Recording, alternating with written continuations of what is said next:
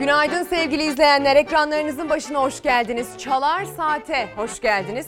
Bugün takvim yaprakları güzel bir pazartesi günü diyor. Ee, bugün 10 Ağustos pazartesi 2020 yılının Ağustos ayını yarıladık anlamına geliyor. Bugün takvimin bize gösterdiği, işaret ettiği tarih. Güzel bir gün olsun diye temenni ediyoruz ama ilerleyen dakikalarda maalesef bir son dakika bilgisiyle e, bültene güzel başlayamayacağız onu söyleyeyim.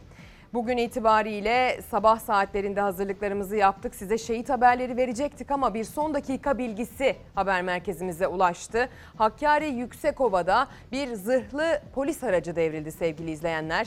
İki özel harekat polisimizin şehit olduğu bilgisi sıcak sıcak elimize ulaştı. Ee, üzgünüz, yastayız. Dün itibariyle şehit haberlerimiz vardı. Dün akşam saatleri itibariyle şehit törenleri vardı. Bununla ilgili hazırlıklar yapmıştık. Ancak son dakika olarak iki şehidimizin daha, iki özel harekat polisimizin daha maalesef şehit düştüğü haberini sizlere vermek durumundayız. İlerleyen dakikalarda konuyla ilgili detaylı bilgi geldikçe bilgileri güncelleyerek sizlere aktaracağız. Ee, Hakkari'ye, Yüksekova'ya, şehitlerimize ee, Allah'tan rahmet diliyoruz. Memleketlerine Hakkari Yüksekova'ya başsağlığı dileklerimizi iletiyoruz sevgili izleyenler. Milletimizin başı sağ olsun diyoruz. Dün akşam saatlerinde ve dün sabah saatlerinde bu, bülten, bu ekrandan Fox Haber bültenlerinden şehit piyade uzman çavuş Süleyman Ural'a birlikte veda ettik sevgili izleyenler. Kendisi için de rahmet dileklerimizi iletelim. Bir de bir polis şehidimiz daha vardı Samsun'dan.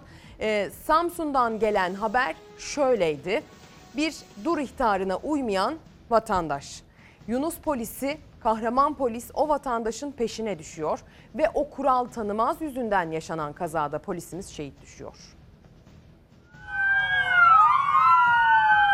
Dur ihtarına uymayan sürücüyü takip ediyordu. Motosikletli Yunus ekibinde görevli 33 yaşındaki polis Adem Keskin trafik kazasında şehit oldu.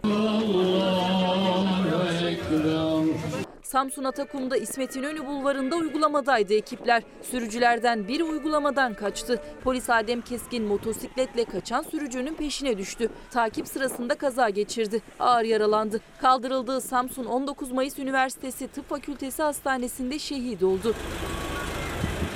Şehit polis Adem Keskin için Samsun Emniyet Müdürlüğü önünde tören düzenlendi önce. Ardından Büyük Cami'de kılınan cenaze namazı sonrası Kıranköy Polis Şehitliği'nde gözyaşları içinde toprağa verildi. Alkollü olduğu ve ehliyeti olmadığı için trafik uygulama noktasından kaçan sürücü AO ise tutuklanıp cezaevine gönderildi. Sevgili izleyenler şehitlerimiz için bir kez daha başsağlığı dileklerini iletiyoruz. Ateş düşen ocaklara milletimizin başı sağ olsun. Maalesef şehit haberleri vermek zorunda kalıyoruz. Hiç vermek istemediğimiz halde. Allah'tan rahmet diliyoruz teker teker tüm şehitlerimize. Hakkari'den gelen son dakika bilgisi olarak haber merkezimize ulaşan iki şehidimizle ilgili iki özel harekatçı kahraman polisle ilgili detayları da ilerleyen dakikalarda bilgi elimize ulaştıkça sizlere aktaracağız. Bugün karşınıza asıl konuşmamız gereken başlığıyla çıktık. Konuşmamız gereken konular günün gündemine göre değişiyor ama asıl konuşmamız gereken nedir? Sizin gündeminize göre, sizin yorumunuza, gündemi okumanıza göre asıl konuşulması gerekenin ne olduğunu bize söylersiniz diye düşünüyoruz bu başlığın altında. Twitter ve Instagram'dan Ezgi Gözeger hesapları bize iletebileceğiniz yorumlarınızı, eleştirilerinizi, düşüncelerinizi, katkılarınızı iletebileceğiniz adreslerdir. Yazın yazın gönderin diyelim. Bir de hatırlatalım bugün itibariyle pek çok e, konu başlığını ele alacağız ama Özellikle iki farklı konuğumuz olacak. Konuklarımızdan bir tanesi gençleri ilgilendiriyor, velileri ilgilendiriyor. Biliyorsunuz üniversite sınavının e, peşi sıra tercih sürecindeyiz. Ayın 14'üne kadar üniversite sınavı tercihleri, üniversite tercihleri öğrencilerin devam edecek. Bununla ilgili çok tecrübeli bir isim gelecek. Kendisinin e, benim için özel de bir tarafı var diplomamda imzası olan rektör hocamı stüdyoda ağırlama şansına sahip olacağım. E, dolayısıyla bu yıl üniversite sınavına girmiş tercih aşamasında olan, önümüzdeki yıl üniversite sınavına girecek, tercih yapacak, hatta bir, belki de birkaç yıl içerisinde bu maratona katılacak öğrencileri ve velileri ekrana davet ediyorum. İlk konuğumuz kendisi olacak. Sonrasındaysa asıl konuşmamız gereken diyeceğiz. Yine gençlerden, eğitimden de bahsedeceğiz ama bolca ekonomiden bahsedeceğimiz bir konuğu ağırlayacağız Ankara stüdyomuzda.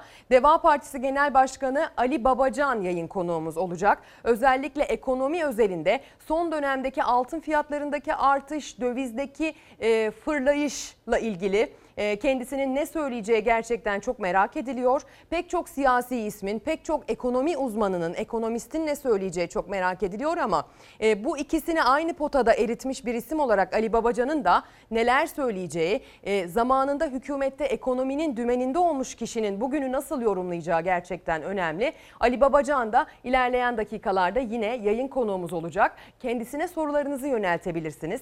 Yine aynı şekilde e, MEF Üniversitesi Rektörü, eski İTÜ Rektörü e, Muhammed Şahin Bey'e de eğitim özelindeki sorularınızı yöneltebilirsiniz Twitter ve Instagram özelinden. Asıl konuşmamız gerekenlerden biri de ne biliyor musunuz sevgili izleyenler? Koronavirüs pandemisi. Bugünün e, bir gün öncenin e, tablosuna bakalım önce. Sonrasında son tabloya bakalım ki bir karşılaştırmalı gidişat e, belirleyelim. Test sayısı 63.842 idi dün. Yani yaklaşık 64.000 test yapıldı ki bu gerçekten çok kritikti. E, 50 binin üzerindeki test sayıları bizi sevindiriyordu. Test sayısının yükselmesi çünkü aslında uzmanların e, sevindirici olarak nitelendirdiği bir şey. E, önemli e, gelir gruplarına, önemli meslek gruplarına yapılması gereken testler olduğunu ancak bu konuda aksamalar yaşadığımızı söyleyen böyle yorumlar yapan uzmanları ekrana getirdik çok defa. Dolayısıyla test sayısının artması önemli. Hasta sayısı 63.800 testin 1172'si şeklinde karşımıza çıkıyor 8 Ağustos tablosunda. Vefat sayısı maalesef 16. Dile kolay ama 16 candan bahsediyoruz. İyileşen sayısı ise 1082 olarak tabloya yansıyor 8 Ağustos'ta. 9 Ağustos'a bakıldığında 63 binden 61 bine düşüyor. Hatta yaklaşık 2500'lük bir 2300'lük bir artış olduğunu söyleyebiliriz test sayısında. Ancak hasta sayısında bir artış göze çarpıyor. Test sayısı azalmasına rağmen 1182 olmuş hasta sayısı 9 Ağustos itibariyle. Vefat sayısı 16'dan 15'e gerilemiş. Tekrar söylüyorum onlu sayılar olması lütfen iç rahatlatmasın. Hepsi birer can, hepsi geride gözü yaşlı birer aile demek sevgili izleyenler. Belki de evlat, belki de eş, belki de anne geride bırakmış. 15 candan söz ediliyor. İyileşenlerin sayısı ise 1103 olarak yine tabloya yansımış ve maalesef yine tabloda iyileşenlerin sayısı tespit edilen yeni hasta sayısının üzerine çıkamamış durumda. Bununla ilgili haberlerimizi size aktaracağız. Ee, Sayın Koca'nın bununla ilgili sözleri var, yaptığı son açıklamalar var onlardan da söz edeceğiz. Koronavirüs pandemisi sürecinde geldiğimiz son nokta. Sağlık Bakanı'nın Hoan'ı İstanbul'a Diyarbakır ve bölge illerde Mardin, Antep, Batman, Urfa ikinci olan olarak Wuhan olarak eklenmiştir. İl Hıfzı Sıhhat Kurulları, il pandemi kurulları bu kendi illerindeki riskleri görürler. Onlar filasyon çalışmalarıyla ve o risklere göre lokal kararlar alabilirler. Karantina dediğimiz sert uygulamalar olabilir. Virüs artışta lokal kısıtlamalar yani illere göre yasaklar yolda. Çünkü her ilde farklı sebeplerle bulaşıyor koronavirüs. Türk Tabipleri Birliği Başkanı Profesör Doktor Sinan Adıyaman illerdeki artışı ortaya koydu. Koronavirüs Bilim Kurulu üyesi Profesör Doktor Tevfik Özlü de Türkiye genelinde aynı tedbirleri almak yerine her ile göre değişen önlemler alınması gerekiyor dedi. İstanbul'da, Ankara'da e, bulaşmayı engellemek için alınması gereken tedbirlerle Urfa'da, Diyarbakır'da, Gaziantep'te alınması gereken tedbirler aynı olmayabilir. Bilim Kurulu'na göre lokal kısıtlama ve yasaklar olabilir. Son koronavirüs tablosuna göre 9 Ağustos'ta 1182 kişide daha koronavirüs tespit edildi. 15 kişi hayatını kaybetti. İyileşen hasta sayısı 1103 oldu. Kocaeli Üniversitesi Sağlık Tesisleri ve Araştırma Merkezleri açılış töreninde konuşan Sağlık Bakanı Fahrettin Koca uyarılarını yineledi. Koca salgın riski artarak devam ediyor dedi. Salgın riski ortadan kalkmış değil. Hatta artarak devam etmektedir. Normalleşme mücadeleden geri adım atmak anlamına gelmemelidir. AK Parti Hatay Milletvekili Hacı Bayram Türkoğlu da koronavirüse yakalandı. Ayasofya Camii açılışına katılan Türkoğlu son bir ay içerisinde 7 kez koronavirüs testi yaptırdığını, 8. testin pozitif çıktığını söyledi. Koronavirüs kalabalık büyük şehirlerde büyük bir tehdit ama diğer illerde ve küçük şehirlerde de ani artışlar yaşanmaya devam ediyor. Şu anda Türkiye'de birinci dalganın ikinci piki yaşanmaktadır. Küçük kentlerde, Anadolu kentlerinde daha çok aile içi bulaşlar önemli. Özellikle bayram için, tatil için e, büyük şehirlerden gelen eş dost, akraba, konu komşu ile temas, bir de işte nişan, söz, düğün, e, kına gecesi, töresel cemiyetler, toplantılar sırasında bulaşma oluyor. Özlü'ye göre İl Hıfzı Sığa Pandemi Kurulu'na büyük görev düşüyor. Koronavirüsün yayılma sebebine göre il özelinde kararlar alınmalı. Hıfzı sığa kurulları tedbirler alabilirler. Örneğin düğünleri, nişanları, sözleri, işte bu tür taziyeleri kısıtlayabilirler. Büyük şehirlerin önlemleri ise daha farklı olmalı. Mesela büyük kentlerde Ankara, İstanbul gibi daha çok toplu taşımanın üzerindeki yükü azaltmamız gerekiyor. Kademeli mesai kavramını önerdik aylar oldu ama tabii buna geçiş yapılamadı.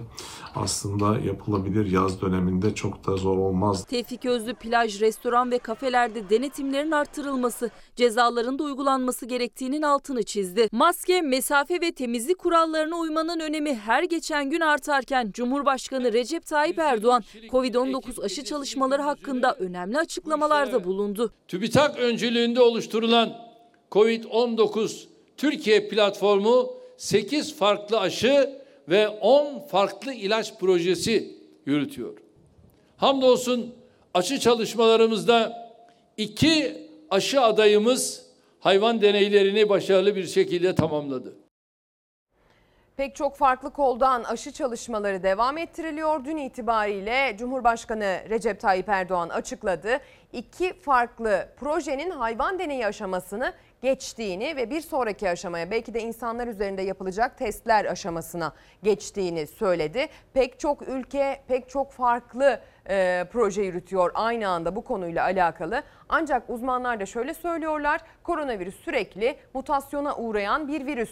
Yani bir virüs üzerinden bir çalışma yaptığınızda virüs mutasyona uğradığında acaba o aşı e, bir işe yaramaz hale mi gelecek? Bunlarla ilgili de uzmanların tabii ki so- e, cevaplaması gereken sorular bunlar. Uzmanlar aslında az evvel haberimizde de olduğu gibi pek çok farklı basın yayın organında konuyla ilgili soruları cevaplandırıyorlar, uyarıları yapıyorlar. Ee, bazı mecralarda bazı isimler, bazı kanaat önderleri, muhalif isimler, gazeteciler bilim kurulu üyelerini çok e, aslında eleştirdiği de oluyor.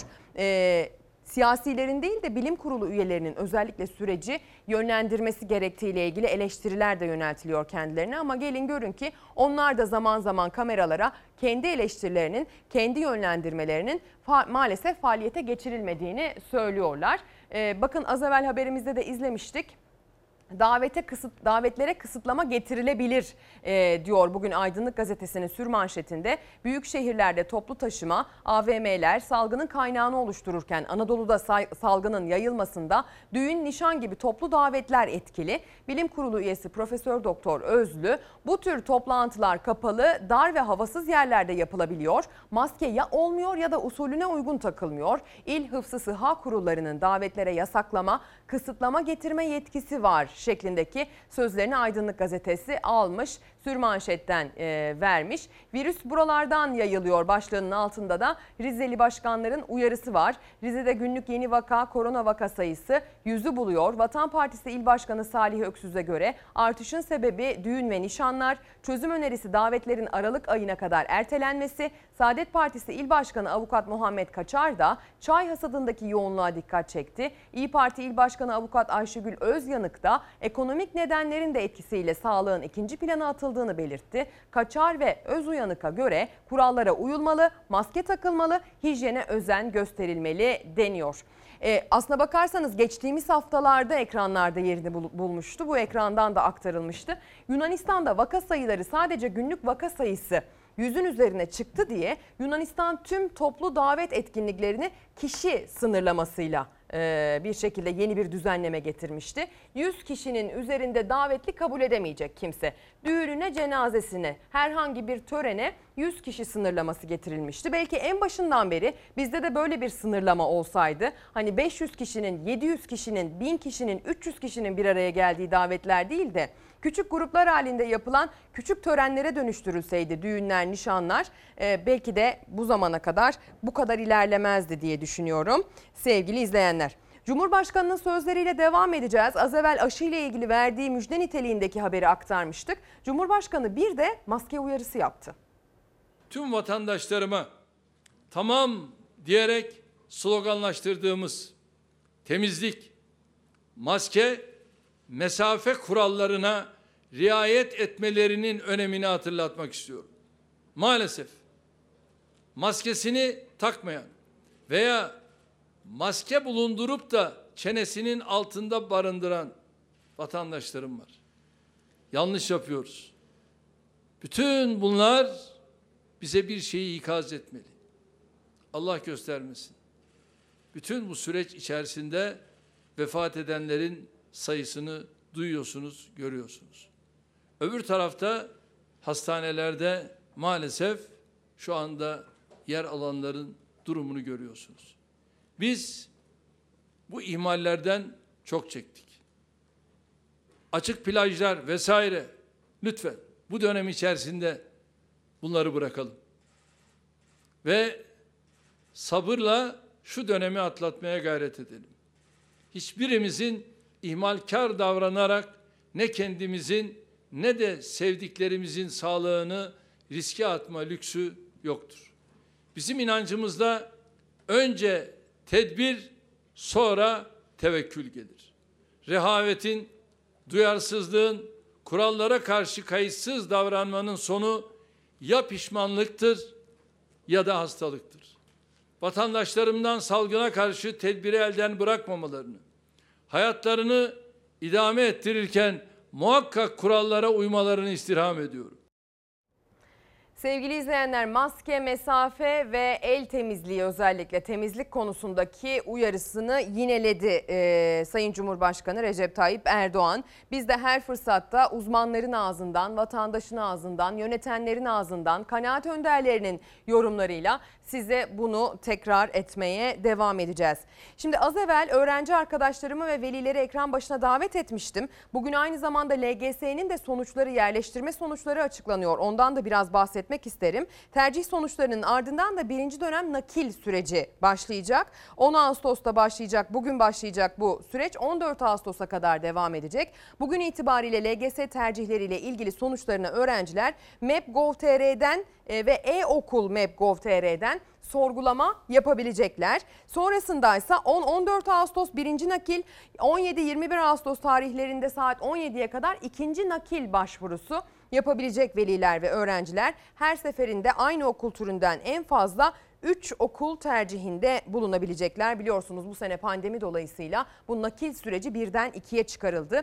Liselere geçiş sınavıyla alakalı. Üniversitelere geçiş sınavıyla alakalıysa bir tercih dönemi içerisindeyiz. 1-2 dakika sonra konuğum ekranda olacak. Ama isterseniz öncesinde e, siz öğrenci ve velileri ekrana davet etmeden önce konuğumla alakalı bir hava durumuna bakalım. Dün itibariyle Ağustos ayının artık neredeyse ortasında olmamıza rağmen yine pek çok noktada sel, su baskını, taşkın yaşandı. İstanbul bugün parçalı ve az bulutlu bir sabaha uyandı ama ilerleyen dakikalarda gökyüzünde bulutlar artabilir sevgili izleyenler. Şimdiden uyarısını yapalım. Dünkü manzara, dünkü gökyüzü manzarası bugün yine İstanbul'da kendini gösterebilir. Sadece İstanbul değil Marmara'nın doğusunda genel bir kapalılık hali bekleniyor ara ara gün içinde. Ancak güneye doğru indiğimizde iç batı Anadolu'da özellikle e, ve Ege bölgesinde yağışlar pek çok noktada sele dönüştü.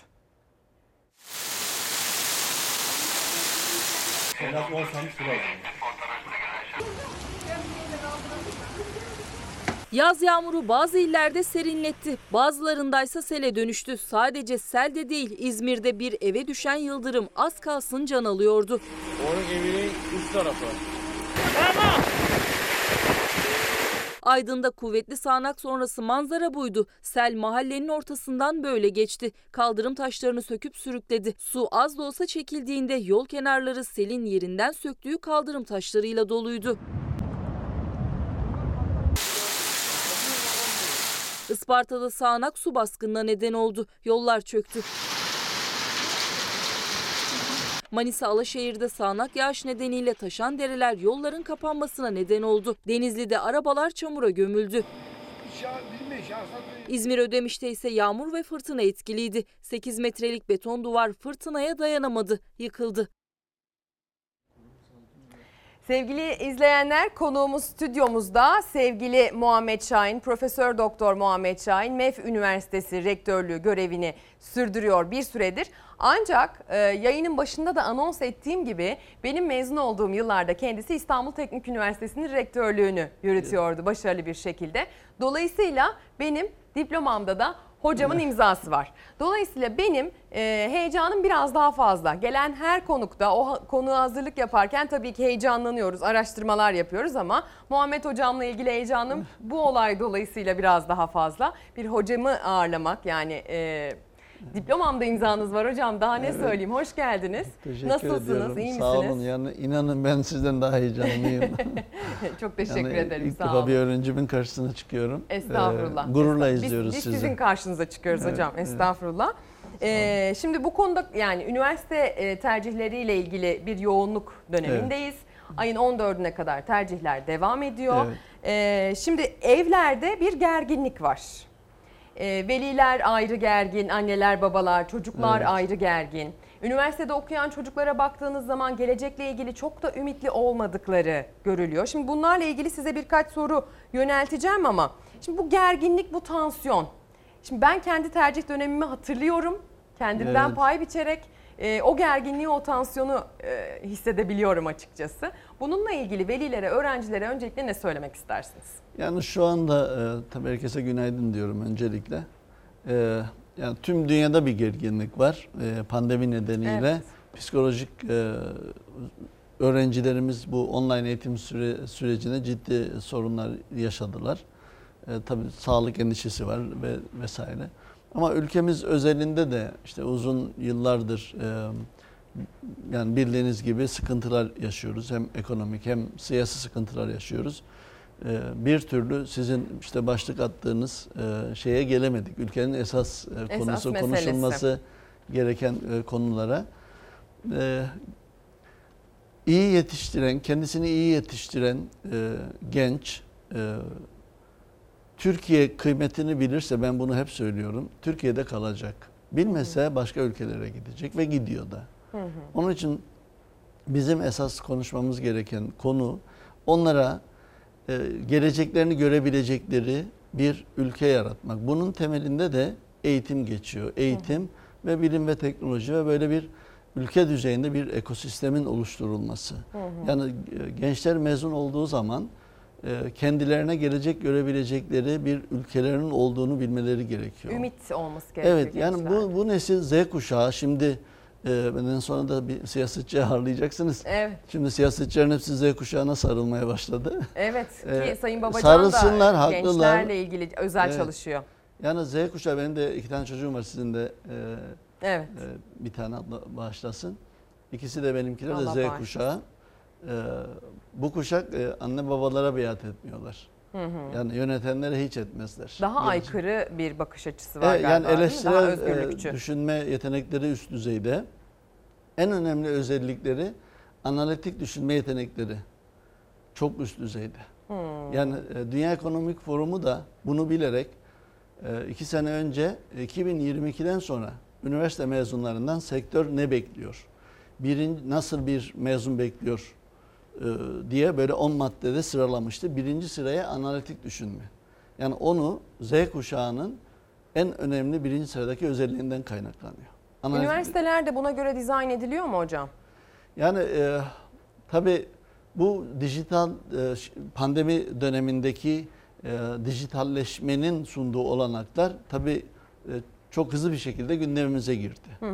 E, yani izin verirsen ben bir kitap yazmıştım. Tabii lütfen. Yani, e, geçen sene Amerika'da çıktı. Yeni üniversite modeli. Yani yenilikçi öğrenme yöntemleri üzerine yazılmış e, bir kitap. Bu kitapta 5-6 yıl sonra dünya yüksek öğretimi nereye evrileceğini yazıyoruz. Ve üniversitemizde de üniversitemizde Şöyle de kurulduğumuzdan bu yana 2014 yılından bu yana uyguladığımız bu yenilikçi öğrenme yöntemleri.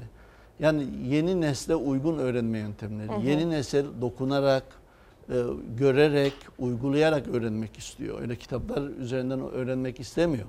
Yeni nesil sınıfta aktif olmak istiyor. Yani hocanın sadece sınıfta böyle benim burada konuştuğum gibi işte izleyiciler de dinlesin öyle bir nesil değil bunlar. İstemiyor. Yani öğrenmenin e, içeriği e, den çok onun uygulamadaki e, nasıl kullanacağı uygulamada bunları bilmesi gerekiyor. Yaparak Ee, yaparak, öğrenmek. öğrenerek, Denerek, deneyimleyerek deneyerek. öğrenmek. Bunu tabi dersin iç derslere entegre edilmesi gerekiyor. Ee, şimdi 21. yüzyıl yetkinlikleri diyoruz. Ee, işte girişimcilik, e, e, yaratıcı olma vesaire, yenilikçi olma. Bunlar böyle okuyarak olmaz. Derslere entegre edilmesi gerekiyor. Ee, tabii öğrenciler üniversite tercihlerini yapacaklar şimdi. Şeylere dikkat etmelerini öneriyorum. Yani e, bu üniversite araştırmaları laboratuvarı var e, biliyorsun 2014 yılından bu yana. Öğrenci memnuniyetini ölçüyor üniversitelerde. E, bu, bu yıl e, iki araştırma daha yayınladılar onlar. Biri de öğretim üyesi gözünde üniversiteler. E, bir başkası da online eğitim sürecini yani pandemi sürecini en iyi yöneten üniversiteler diye. E, bunu tabii gururla söyleyeyim. E, pandemi sürecini en iyi yöneten vakıf üniversiteleri arasında MEF Üniversitesi birinci oldu. Tebrikler. E, yani İTÜ'nün de şeyi var İTÜ'nün, İTÜ'nün evet. de katkılarıyla Evet. diyorsunuz. Ee, sonra e, öğretim üyeleri gözünde üniversitelerde de e, işte eğitim kalitesi sıralaması yapıldı. Ee, Orada vakıf devlet kar- karma yapıldı. 192 üniversite arasında Öğrenciler, veliler bu araştırmalara nereden ulaşabiliyorların bilgisini tekrar söyleyelim mi hocam? ya, Kaçırdıysa. üniversite araştırmaları laboratuvarı yani Google'dan Üniversite araş, araştırmaları laboratuvarının evet. her sene öğrencilerin memnuniyetini ölçen araştırmaları Aynen. var. Bu yıl ilave olarak öğretim üyelerinin de Evet. memnuniyetine bağlı bir araştırma Aynen, aynen. yapıldı. Öğret- Tabii ki öğretmen de lafınızı bölüyorum kusuruma bakmayın. Öğretmen de, öğreten kişi de ne kadar mutlu ve memnunsa aslında öğrenciye de o kadar çok faydalı oluyor öyle değil mi? Aynen yani şu anda sizin enerjiniz bana yansıyor. Değil mi? Yani ben bir öğrenci olarak düşünün. Yani siz ne kadar iyi bir sunucuysanız ben o kadar burada e, yüksek enerjiyle konuşabilirim. Sınıfta da öyledir. Yani öğretmen ne kadar mutluysa, idare çalışan üniversitede ne kadar mutluysa çünkü kapıdan girer girmez güvenlikle karşılaşıyor. Orada kapıdaki güvenliğin de yüzündeki e, ifade, mutluluk o öğrencinin tüm e, gününü etkileyebiliyor. Evet. O- Onun için çok önemli. O araştırmalarda işte öğretim üyesi gözündeki e, şeyde kalmıştım. Öğretim kalitesinde, eğitim öğretim kalitesinde 192 üniversite arasında birinci olduk tekrar. Bir de genel memnuniyette de altıncı olduk. Yani bunlar tesadüfi değildir. Yani e, gerçekten tam bir öğrenci dostu olmak gerekiyor. E, yapmacık yaparsanız bu nesil çok kolay anlıyor. Öyle yapmacık hareketlerle ben öğrenci dostuyum. Yani belki İTÜ'yü araştırdıysanız e, yani vakıfta olduğumuz için böyle değil, devlette de aynıydık. Anladım. E, e, Ya bu Çünkü- bir bizde gelenek diyorsunuz. evet. Şimdi tabii e, üniversite çok önemli ama siz de konunun başında söylediniz. Kişinin, öğrencinin kendini geliştirmesi esasına dayalı bir e, dönüşüm yaşadı aslında bu süreç. Yani önceden bölümler, üniversiteler belki daha keskin çizgilerle öğrencilerin hayatının e, nasıl şekilleneceğini belirliyordu. Ama artık bölümler üniversitelerden ziyade tabii ki yine faydası ve katkısı vardır e, kaçınılmaz. Ama kişinin kendini ne yönde ve ne derece geliştirdiği çok çok önemli. Gelin görün ki Cumhurbaşkanlığı İnsan Kaynakları Ofisi'nin verilerinin kullandığı Kariyer ve Yetenek Yönetimi Derneği'nin verilerine göre Türkiye genelindeki üniversite mezunlarının %42'si mezun olduktan sonra iş bulamıyor. %31'i iş bulduklarında asgari ücretle işe başlıyor. Ee, bunların sebebinin neler olduğunu ya da öğrencinin böyle bir tabloya adım atmadan önce ne düşünmesi, ne yapması gerektiğini belki siz bize açıklarsınız. Evet şimdi e, tabii o rakamlar Cumhurbaşkanlığı e, İnsan Kaynakları İnsan Ofisi'nin Kaynakları Ofisi'nin hazırlanmış veri- rakamlar. Bu her yıl bunları açıklıyor çok şeffaf bir şekilde.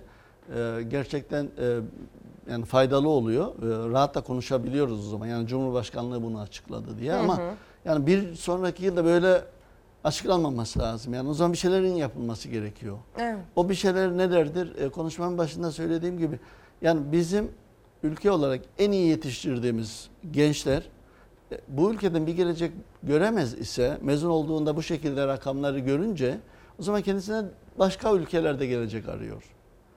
E, bugün Amerika'da okuyan e, yabancı öğrencilerin üçte biri Çinli. Yani Amerika ile Çin bir savaşta, ticaret savaşı. Ama, Ama Amerika demiyor ki- ben Çinli öğrenci almıyorum ya da Çin demiyor ki ben Amerika'ya öğrenci göndermiyorum. Gelişmekte olan gelişmiş ülkeler şu anda gelişmiş ülkelerin hiçbiri kendi e, insan gücüyle o noktaya gelmemişlerdir. Avrupa'da da halen mesela Almanya belki Türklerden bıkmıştır artık. Ama e, yeni mezun öğrencileri yani kendi öğrencilerimiz de gidiyor şu anda. Yeni mezun öğrencileri işte genç iş adamlarını İngiltere, Avrupa'daki işte Hollanda, diğer ülkeler, Amerika zaten bu işin e, başını çekiyor. Çin onu da söyleyeyim unutmadan. Çin bile iki yıl önce bir e, 10 yıllık vize uygulaması başlattı. Çin'in nüfusu 1.8 milyar. Buna Yani rağmen Buna rağmen diyor ki Çin. Beyin Bendeki göçü ins- alayım. Evet yani iyi olanı, iyi yetişmiş olanı.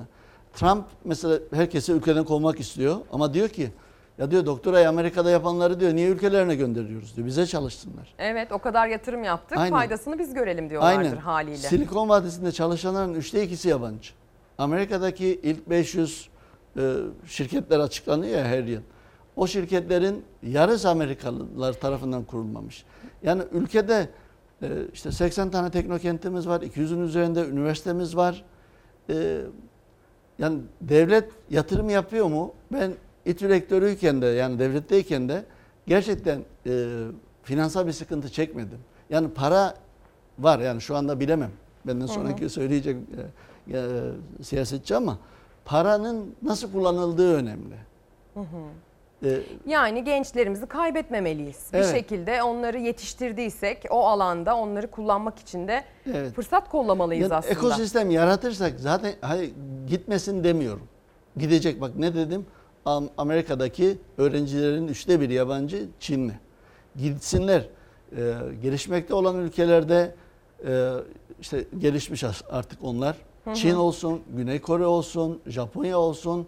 Bunlar halen devam eden yurt dışına master doktoraya öğrenci gönderiyorlar. İnanılmaz sayıda. Ama hepsini geri çekiyor daha sonra.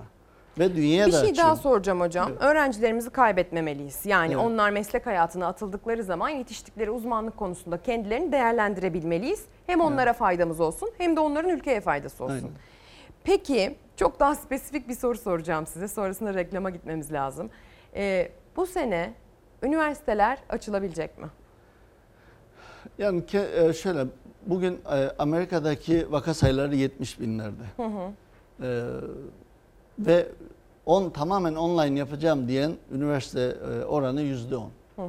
Çoğu açılıyor ve çoğu tabii karma modelle. Yani online artı işte yüz yüze eğitim. Bana göre Türkiye'de bu sayılar bu şekilde giderse yani 2000'leri 3000'leri bulmaz ise tabii ki İnşallah bulmaz. bulmaz. Bulmaz ise üniversiteler açılacak. Yani hiç yani iyi de olsak e, düşse de kesinlikle karma olacak. Yani tamamen yüz yüze olmayacak bu yıl. E, ve üniversiteler bunun hazırlığını yapıyor. YÖK zaten bu kararı e, Haziran'da üniversitelere bildirdi. Bir yol haritası gönderdiler 2-3 hafta önce.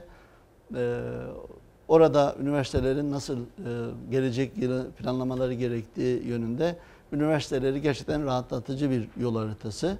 Sizin için tatmin edici bir yol haritası Evet oldu? kesinlikle e, kesinlikle yani şöyle biz zaten üniversite olarak birinciydik. E, içeriğine baktım 22 sayfa. Yok başkanım başlasın ya bizim yaptıklarımız e, orada görünüyor. Anladım. E, yani takdir gö- de güzel bir şey. E, ya biz planlıyoruz bir iki hafta içerisinde e, takvimi açıklayacağız. Yani yüz, yok diyor ki yüzde 40 online yüzde 60 e, yüz yüze ama bu e, 4 yıllığa yayılmış şekliyle düşünün diyor. Yani gelecek e, baha- e, kış döneminde yüzde 40 değil de yüzde 50, 60, 70 de olabilir eğitimin e, online kısmı.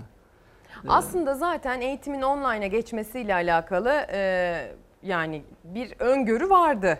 Ama Evet. pandemi bu e, süreci mecburi bir şekilde çok kısa bir zamanda e, hemen takvimimize ekledi. E, bu konuda altyapısı olan üniversiteler hazırlıklı yakalandılar tabiri Evet. caizse. E, siz de onlardan biri olduğunuzu iddia ediyorsunuz anladığım kadarıyla. Çok teşekkür ederim hocam. E, yayının başında da söyledim. E, gelen her konuk beni çok çok heyecanlandırır ama diplomamda imzası olan rektör hocamla birlikte yayın yapma fırsatı beni gerçekten bir kademe daha fazla heyecanlandırdı. Diplomayı bulamadınız ama. Ee, efendim Diplomayı diplomayı, bulamadım hocam. dedi. Bulamadım gerçekten. Bilseydim- Aradan yıllar geçmiş. Evet. Evet, bir şöyle bir Bilseydin fotoğrafını çekerdim ben de. İm- evet, sizde bir, evet bir imzayı buradan göstersek güzel olurdu ama var yani sözümüz güvenilirdir yani izleyicilerimiz sözümüze inanırlar. Ee, çok teşekkür ediyorum değerli katkılarınızdan dolayı. Müsaade ederseniz bu Tabii ki. kitabı almak istiyorum. ki. İmzanızı rica edeceğim bir de sizden. Ee, eğitim camiasının önemli isimlerinden birini ağırladık. Ee, Profesör Doktor Muhammed Şahin stüdyo konuğumuzdu.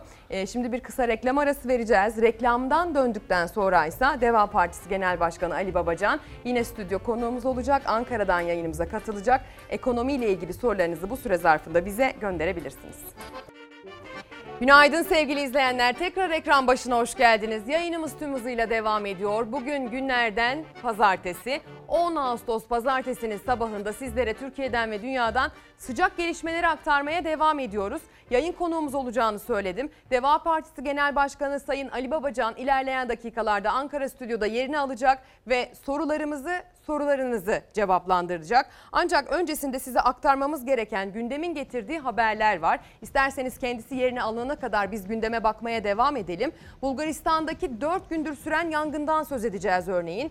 Sadece bu noktada değil pek çok farklı noktada yangınlar var ama Bulgaristan'daki yangın Türkiye'ye doğru yaklaşmaya devam ediyor. Alevler Türkiye'ye iyice yaklaştı. Sınır hattında 32 kilometrelik güvenlik şeridi oluşturuldu.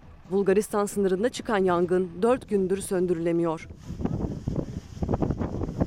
Bulgaristan'ın Hasköy bölgesinde başlayan yangın Türkiye-Bulgaristan sınırını duman altında bıraktı. 4 gündür devam eden yangın bugün sınır hattımıza 1,5 kilometreye kadar yaklaştı. Yangına zaman zaman sınırdan da müdahale ediliyor ancak sert rüzgarlar alevlerin yayılmasına neden oluyor.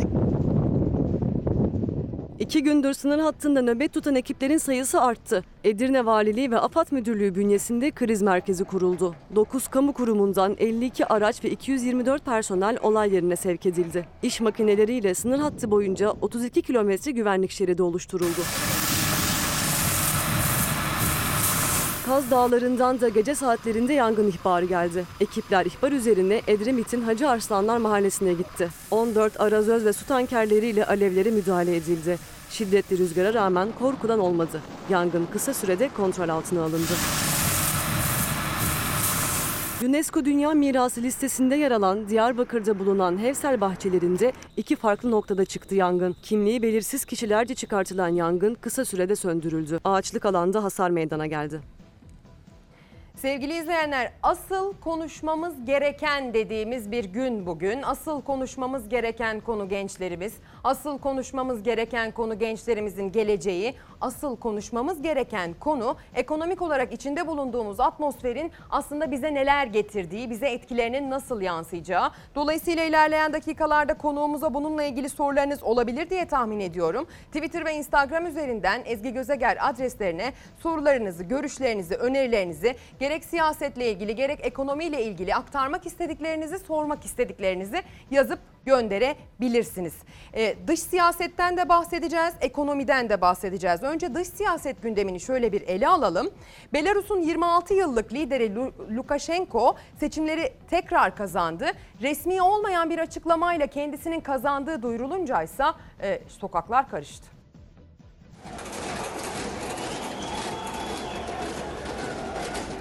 Belarus'ta halk sandık başına gitti. Resmi olmayan sonuçlara göre 26 yıldır devlet başkanı olan Alexander Lukashenko'nun seçimleri kazandığı açıklandı. Açıklamanın ardından sandıkların çalındığı iddiası geldi. Belarus'ta halk sokağa döküldü. yer yerinden oynadı. Belarus'ta Cumhurbaşkanlığı seçimleri vardı. Devlet lideri Lukashenko'nun görev süresinin dolmasının ardından halk sandığa gitti. Kesin sonuçlar cuma günü açıklanacak olsa da sayım sonrası Lukashenko'nun oyların %79.7'sini aldığı açıklandı. Görev süresi dolan liderin rakipleri %10 barajını bile geçemedi. 5 dönem Cumhurbaşkanlığı yapan Lukashenko'nun galibiyeti seçime hile karıştırıldığı iddialarını da beraberinde getirdi.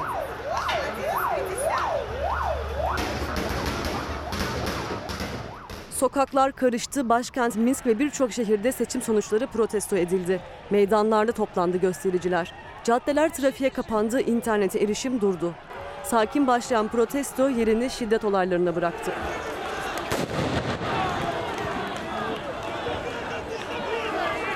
İzinsiz gösterilere polisin müdahalesi sert oldu. Göz yaşartıcı gazlardan göz gözü görmedi.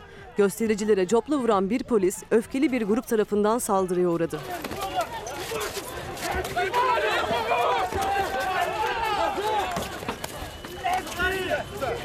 Muhalif adaylardan Svetlana Tikhonovskaya da seçimlerde hile yapıldığını, kendisinin Lukashenko'dan yüksek oy aldığını iddia etti. Sevgili izleyenler, peki yazılı basın ne diyor? Yazılı basının gündemine de bakacağız. Döviz artışı maaşı eritti demiş Yeni Çağ Gazetesi bugün ilk sayfasından. Dolardaki artış asgari ücretli memur ve emekli maaşında Temmuz zammını da sildi süpürdü. Dövizdeki tırmanış vatandaşın alım gücünü de eritti. Haziranda en düşük memur maaşı dolar karşılığı 584 dolardı. Temmuz zammına rağmen bugünkü karşılığı 579 dolar. En düşük işçi emekli aylığı da 219'dan 205 dolara düştü deniyor.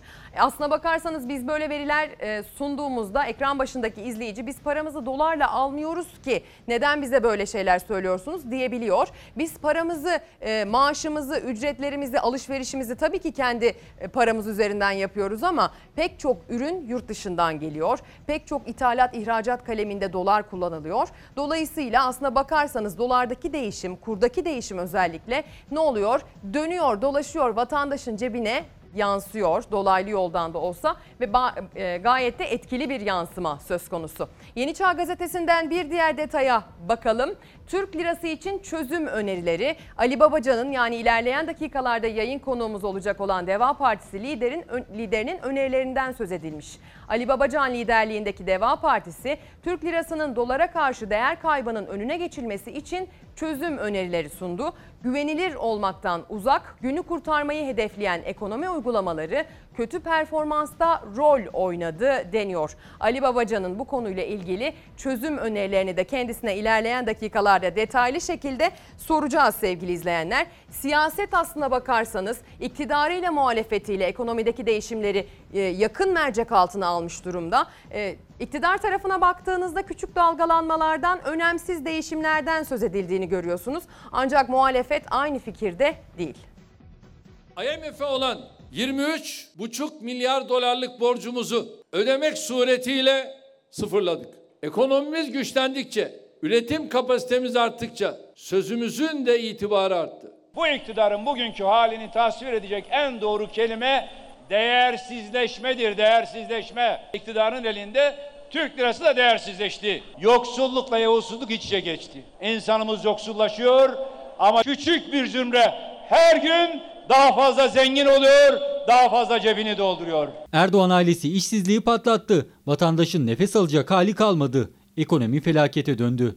Siyasetin öncelikli başlığı olan ekonomi muhalefetle iktidar arasında her geçen gün daha da yükselen tansiyonun nedeni. Cumhurbaşkanı TÜBİTAK Mükemmeliyet Merkezi açılış töreninde bir kez daha güçlü ekonomi vurgusu yaparken muhalefet piyasalardaki sert dalgalanma sonrası Cumhurbaşkanı Erdoğan'ın Cuma günü Ayasofya'da ekonomiye dair çizdiği iyimser tabloya tepkisini sürdürdü. Rahat olun. Bazı zamanda tırmanışlar, bazen inişler biliyorsunuz şöyle yılbaşı itibariyle 10 liradan falan bahsediyor. Ama iş nerelere geldi? Şu anda bulunduğumuz noktalara geldi. Erdoğan cami avlusunda konuştu. Doların henüz 10 TL olmayışıyla olmayan döviz rezerviyle yedirtmem demek istediği damadıyla övündü. Ve Türkiye'nin bu aileyi taşıyacak hali kalmadı. Siz kör müsünüz? Türkiye bir tırmanışta ama bizim bu tırmanışımızı görmek istemeyen, gözü olup da görmeyenler var. Devlet yönetimine aile bulaştırılırsa çıkan ilk yangında devlete ve millete bakmazsın, çocuğunun, eşinin, kardeşinin, yeğeninin, damadının derdine düşersin. Ülke yanıyor. Bunlar ekonomi bakanını kurtarmaya çalışıyorlar. 2002'de 1 milyon 88 bin, 2019'da ise 2 milyon 486 bin adet buzdolabı satıyor. 2020'de vatandaş Sayın Cumhurbaşkanı o buzdolabını dolduramıyor artık dolduramıyor. Siz buna bir cevap bulun. Dolar cirit atıyor, euro cirit atıyor, altın cirit atıyor ama ortada bir tek baba yiğit yok ki bunu açıklayabilsin. Gelecek Partisi lideri Davutoğlu Diyarbakır İl Kongresi'nde konuştu. Ekonomi başlığında Cumhurbaşkanı'nın her cümlesine misliyle yanıt verdi. Ekonomi yönetimine istifa çağrısı yaptı. Ekonomi uçuruma gidiyor sorumlusu yok. Kimden hesap soracak bu millet? Birileri fil dişi kulelerde ahkam keserken, milletimize karamsarlık yayarken biz büyük ve güçlü Türkiye hedefimize doğru kararlılıkla yürüyoruz. Ekonomi Bakanı'ndan bir cevap, bir çözüm duydunuz mu? Ama aldığı işi berbat edenler de en azından seçim olmasa bile istifa onurunu göstermek durumundadırlar. Davutoğlu Hazine ve Maliye Bakanı Berat Albayrak'ın sessiz kalmasına da tepkiliydi. Ekonominin ateşi siyaseti de söylemleri de daha da ısıtacak gibi. Sevgili izleyenler söz verdiğimiz gibi asıl konuşmamız gereken konu ekonomi dedik ve konuğumuzu stüdyomuza aldık. Ee, Sayın Ali Babacan Deva Partisi Genel Başkanı. Kendisi biliyorsunuz e, 9 Mart 2020'den bu yana Deva Partisi'nin liderliği görevini yürütüyor. AK Parti'nin kurucu üyelerinden olduğunu ve yıllarca AK Parti'de ekonominin dümeninde görev yaptığını bildiğimiz ekonomi konusunda sadece Türkiye'de değil dünyada aslına bakarsanız rüştünü ispatlamış bir isim kendisi. Dolayısıyla gerek siyaset gerek ekonomi konusunda bugün geldiğimiz son nokta hakkında yapacağı yorumlar e, takdir edersiniz ki önemli. Sizler e, görüşlerinizi ve sorularınızı göndermeye başladınız bile. Ben yayın konuğuma öncelikle bir hoş geldiniz nasılsınız diye sorayım. Hoş bulduk. Teşekkür ederim. Sağ olun. Siz nasılsınız? Ben de iyiyim. Çok teşekkür ediyorum Sayın Babacan. Ee, öncelikle az evvel haberde izlediğimiz belki de Sayın Cumhurbaşkanı'nın e, tırmanışta sözüyle başlayabiliriz. Sizce Türkiye bir tırmanışta mı? Ee, Sayın Cumhurbaşkanı geçtiğimiz Cuma günü de bir açıklama yaptı. Dün de bir açıklama yaptı. Türkiye'deki ekonomiyle alakalı, Türkiye'nin kalkınmasıyla alakalı bir tırmanıştan söz etti. Buna katılıyor musunuz? Ee, Ezgi Hanım biliyorsunuz e, şu anda e, Türkiye'nin bir numaralı problemi ekonomi. Yani işsizlik, hayat pahalılığı. Halkımıza sorduğumuz zaman bütün anketlerde, bütün kamuoyu yoklamalarında vatandaşımız bir numaralı sorunum benim diyor, ekonomi diyor. Fakat çok garip bir şekilde hükümetten gelen bütün açıklamalar ekonominin uçuşta olduğu, kalkışta olduğu ve e, her şeyin gayet iyi gittiği yönünde. Şu andaki problemlerin çözümü için önce hastalık konusunda bir mutabakat lazım. Yani öncelikle bir teşhisi koymak lazım. Eğer siz teşhisi koyamazsanız tedaviye başlayamazsınız. Yani öyle bir tabloyla karşı karşıyayız ki hasta hastalığını inkar ediyor. Ben hasta değilim diyor. Hasta değilim diyen bir kişinin tedavisine nereden nasıl başlayacaksınız? Şu anda karşı karşıya olduğumuz sorunun temelinde bu yatıyor. Öncelikle hep beraber ekonomimizle ilgili ciddi sorunlar olduğunu kabul etmemiz lazım. Nedir bu sorunlar diye baktığımızda şu anda bir numaralı meselemiz, bir numaralı meselemiz e, bizim e, işsizlik. Yani son bir yılda toplam çalışan sayımız Türkiye'de 2 milyon 600 bin kişi düşmüş. Toplam çalışan sayımız 2 milyon 600 bin kişi düşmüş. İstihdam daralıyor. Gençlerde işsizlik %25 civarında dolaşıyor. Ve bu işsizlik rakamlarına bakarken iş bulmaktan ümidini kesmiş, artık iş aramaktan vazgeçmiş. Yani iş gücünün dışına çıkmış insanlar hesaba katılmıyor bile. Ben sadece TÜİK verilerine bakarak söylüyorum. Türkiye'de toplam istihdamdayım ama işimin başında değilim. Yani işim var ama işimin başında değilim diyen 7 milyon kişi var. Niye? Çünkü işten çıkartmalar yasaklandığı için borroda bu insanlar görünüyor. Fakat işe gidip gelmiyorlar. Üstelik, üstelik işsizlik ödeneği alıyorlar devletten. Yine kısa dönem çalışma, kısa çalışma ödeneği ödeneği insanlara. Tam 7 milyon kişi. Bir numaralı problemimiz. Biz bunu e, kaç yıldır sürekli vurguluyoruz. Bu problem olacak ve büyüyecek diye. Ve bir başka önemli sorunumuz işsizliğin hemen yanında hayat pahalılığı. Yine TÜİK'in açıkladığı rakamlara bakıyoruz. Enflasyon %11-12 oralarda görünüyor. Bir de vatandaşa soruyoruz. Vatandaşımız alışverişe gidiyor değil mi? Pazara, markete gidiyor. O alışveriş torbalarını dolduruyor. Geçen sene aynı ürünü kaça alıyor? Bugün aynı ürünü kaça alıyor? Vatandaşımız enflasyonu bizzat yaşıyor. TÜİK ne açıklarsa açıklasın. Şu anda vatandaşımızın açıkladığı, e, hissettiği enflasyon başka, TÜİK'in açıkladığı enflasyon başka. Kime sorursanız sorun. Bir ev hanımına sorun, bir emekliye sorun, bir işsize sorun. Bir çalışanınıza sorun. Enflasyonu ne hissediyorsun diye.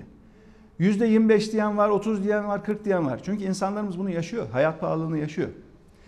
Yine bir başka önemli sorunumuz şu anda Türkiye'nin e, karşı karşıya kaldığı ekonomideki ve finansal piyasalardaki istikrarsızlık.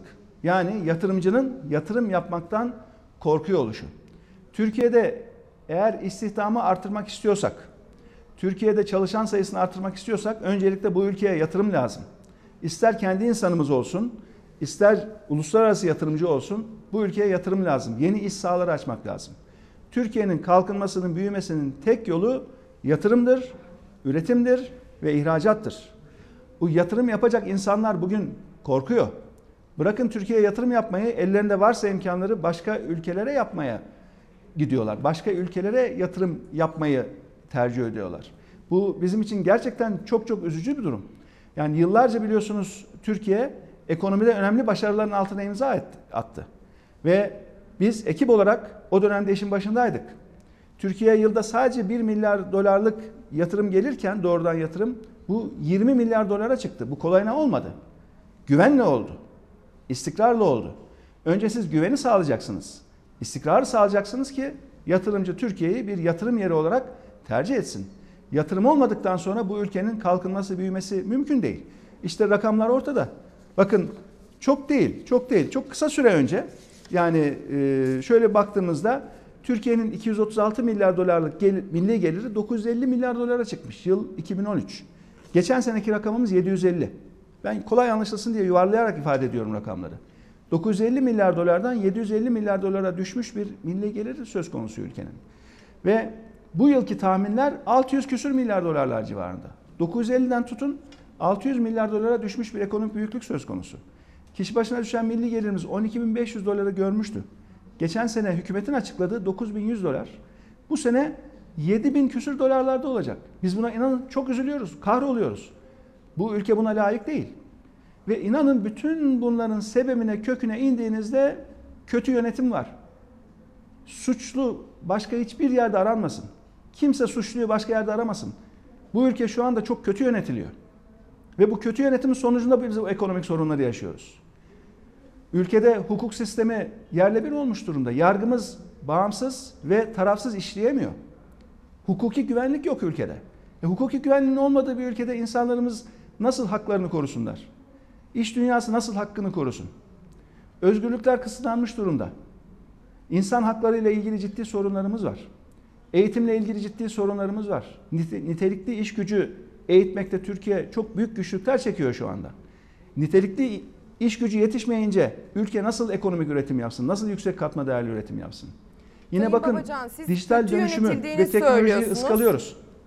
Siz kötü yönetildiğini söylüyorsunuz. Bir virgül koymanızı rica edeceğim. Aslında biraz da e, bahsettiğiniz konularla ilgili son açıklamalardan detaylar vermek istiyorum.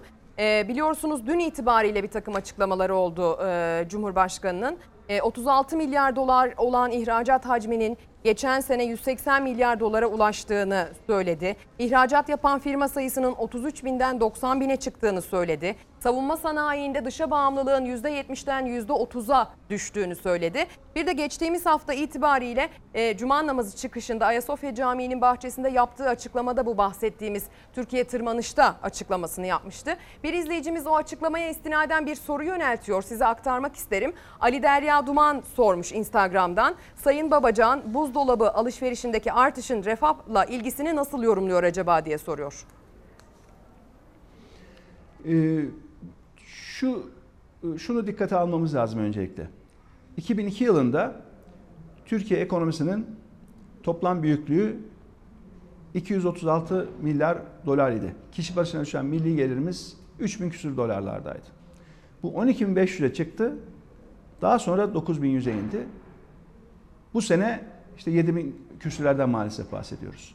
2002 ile mukayese ettiğiniz zaman bugün kuşkusuz iyi bir noktadayız ama rakamları karşılaştırırken Türkiye'nin ulaştığı zirveden hiç bahsetmiyorlar dikkat ederseniz. Yani hükümet o zirveyi görmüyor.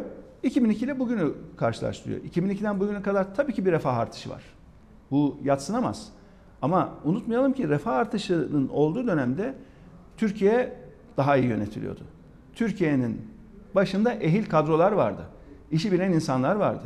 Merkez Bankası'nın başında, hazinenin başında liyakat, ehliyet sahibi, işi bilen insanlar vardı. Ve dürüst insanlar vardı. Sadece ve sadece bu memleket için çalışan insanlar vardı. Kendi hesabını, kendi dar çevresinin hesabını değil, bu memleketin geleceğini düşünerek gece gündüzünü birbirine katarak çalışan bir kadro vardı. Türkiye öylesine o zirveye ulaşabildi. O kadroyla o zirveye ulaşabildi. Ama ne oldu sonra? O ehil kadrolar yavaş yavaş yavaş yavaş sistem dışında kaldı. Şu anda sistem içerisinde çok az sayıda belki hala düzgün iyi arkadaşımız var. Ama sayıları çok az ve artık yeterli değil. Ve üstelik kararlar alınırken artık istişare mekanizmaları çalışmıyor. Dar bir kadro ve tek bir karar merci tarafından ülkenin en önemli kararları alınıyor. Halbuki devlet yönetiminde bir ortak akıl oluşturma süresi vardır. Bir istişare vardır. İstişareyle, akılla, bilimle karar alırsınız. Dürtülerle değil. Sabah uyandığınız zaman aklınıza gelen şeylerle değil. Ya da dar bir çerçevede ya ne yapalım ne edelim hadi bugün de şu kararı alalım devam edelim şeklinde değil. 84 milyonluk bir ülkenin yönetiminden bahsediyorsunuz. Bu kolay bir şey değil. Basit bir şey de değil. Çocuk oyuncağı da değil. Bu ülkenin çok ciddi bir şekilde yönetilmesi gerekiyor. Hele hele zaten bir sürü sorunumuz varken, sıkıntımız varken bir de bu pandeminin getirdiği zorluklar gerçekten Türkiye'nin önünde devasa bir sorun kümesini oluşturmuş durumda. Ben de tam bunu Ama şunu ben hemen vurgulayayım ki bunlar çözümsüz değil. Bunlar çözümsüz değil. Yani hepsinin bir çözümü var. Problemlerin tamamının çözümü var. Ve biz bununla ilgili biliyorsunuz cumartesi günü parti olarak 10 maddelik bir açıklama yaptık. Bu ekonomi bu durumdan nasıl çıkar, nasıl kurtulur diye. Biz sadece eleştirmiyoruz bakın. Sadece problemleri ortaya koymuyoruz. Nasıl çözüleceği konusunda da tavsiyelerimizi ortaya koyuyoruz. 10 maddelik reçete. Ama tabii baştan söyledim ya. Hasta hastalığını inkar ediyor. Ben hasta değilim diyor. Hasta hastalığını inkar ediyorsa, ben hastayım diyorsa ne kadar reçete verirseniz verin, ne kadar tavsiyede bulunursunuz bulunun dinlemiyorlar.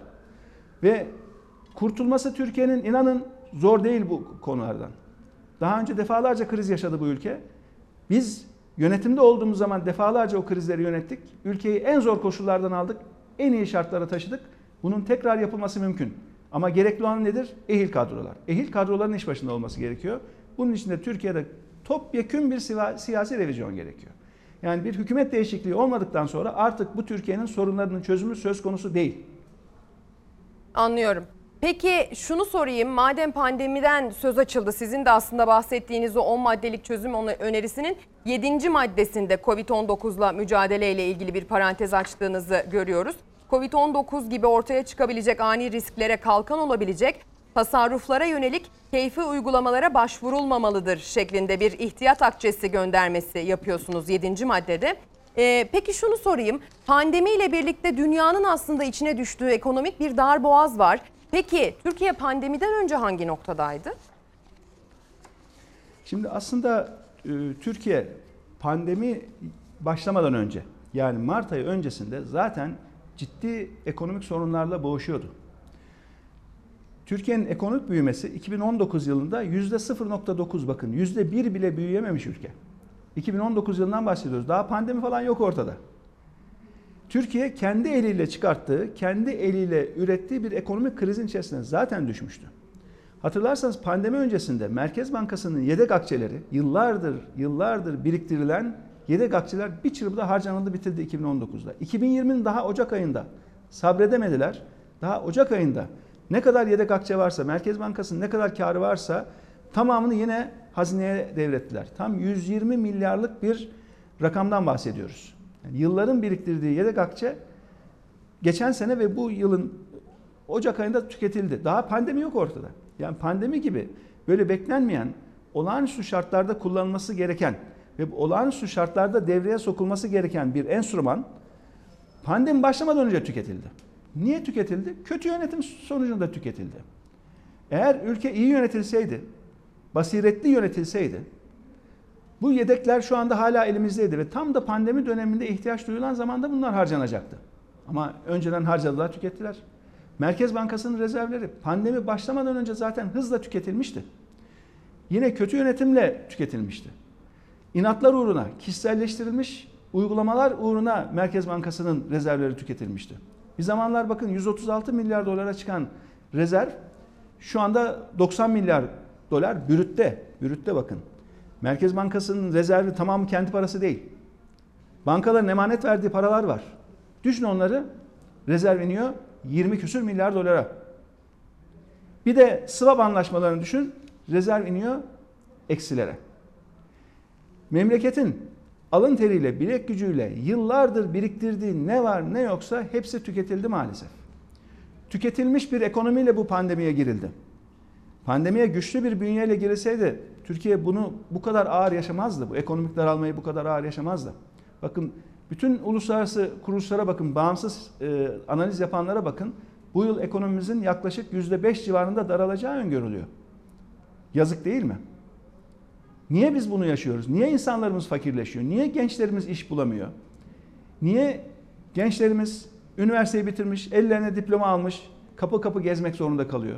Hatta kadınlarımız biliyorsunuz iş aramaktan vazgeçiyor şu anda. Bu TÜİK istatistiklerinden ben bunu okuyorum. Onlara da tabii güvenerek bakarsak.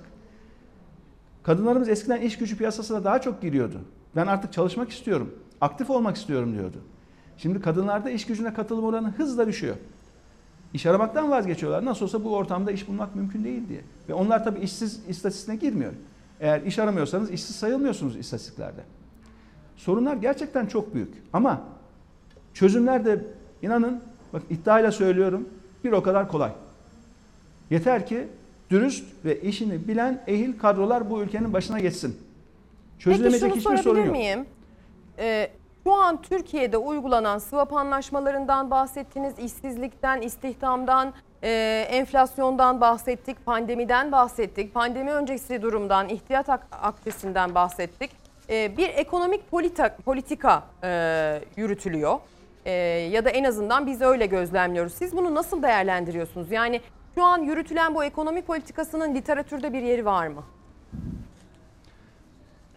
Ee, Ezgi Hanım şu andaki uygulamalara ben inanın bir politika diyemiyorum. Çünkü politika nedir?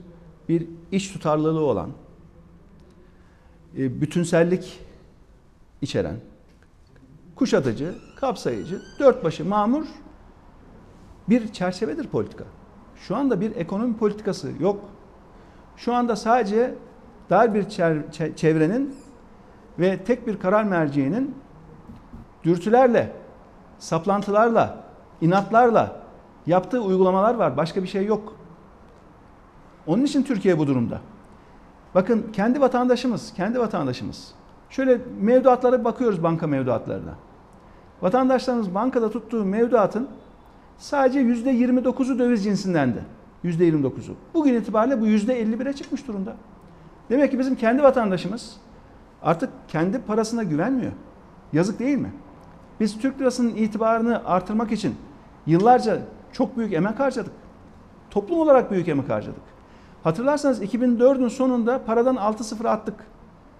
Ve Türk lirası itibarlı, dünyada geçerli bir para birimi haline geldi. İnsanlarımız, kendi insanlarımız Türk lirasına yöneldi. Uluslararası yatırımcılar hazinenin çıkarttığı Türk lirası cinsinden, Türk lirası cinsinden borçlanma araçlarını geldiler satın aldılar. Bir zamanlar bizim içeriye ihraç edilen hazine borçlanma senetlerinin tam üçte biri Türk lirası cinsinden bakın. Uluslararası yatırımcılar tarafından alınıyordu. Niye alınıyordu? Türk lirası kıymetli bir paradır. Türk lirasına güven vardır diye alınıyordu. E bugün ne Türkiye'ye güven kaldı ne Türk lirasına güven kaldı. Öncelikle biz kendi vatandaşlarımıza güven sağlamak zorundayız. Kendi vatandaşlarımız bu ülkenin geleceğine güvenmek zorunda. Ondan sonra uluslararası yatırımcılar, bütün dünya Türkiye'ye güvenir. Ama şu andaki sorunumuz kendi vatandaşımız kendi ülkesinin geleceğine güvenmiyor. Bütün kamuoyu yoklamalarına bakın. Bütün araştırmalara bakın. Soruyorsunuz gelecek yıl mı iyi olacak yoksa bu yıl mı? Gelecek bu yıldan daha mı iyi olacak daha mı kötü olacak? Vatandaşlarımızın büyük çoğunluğu gelecek yılın bu yıldan daha kötü olacağına inanıyor. Vatandaşlarımızın kanaati buyken ekonominin düzelmesi mümkün değil. Ne yaparlarsa yapsınlar mümkün değil. Öncelikle güven ve istikrar olması gerekiyor bir ülkede.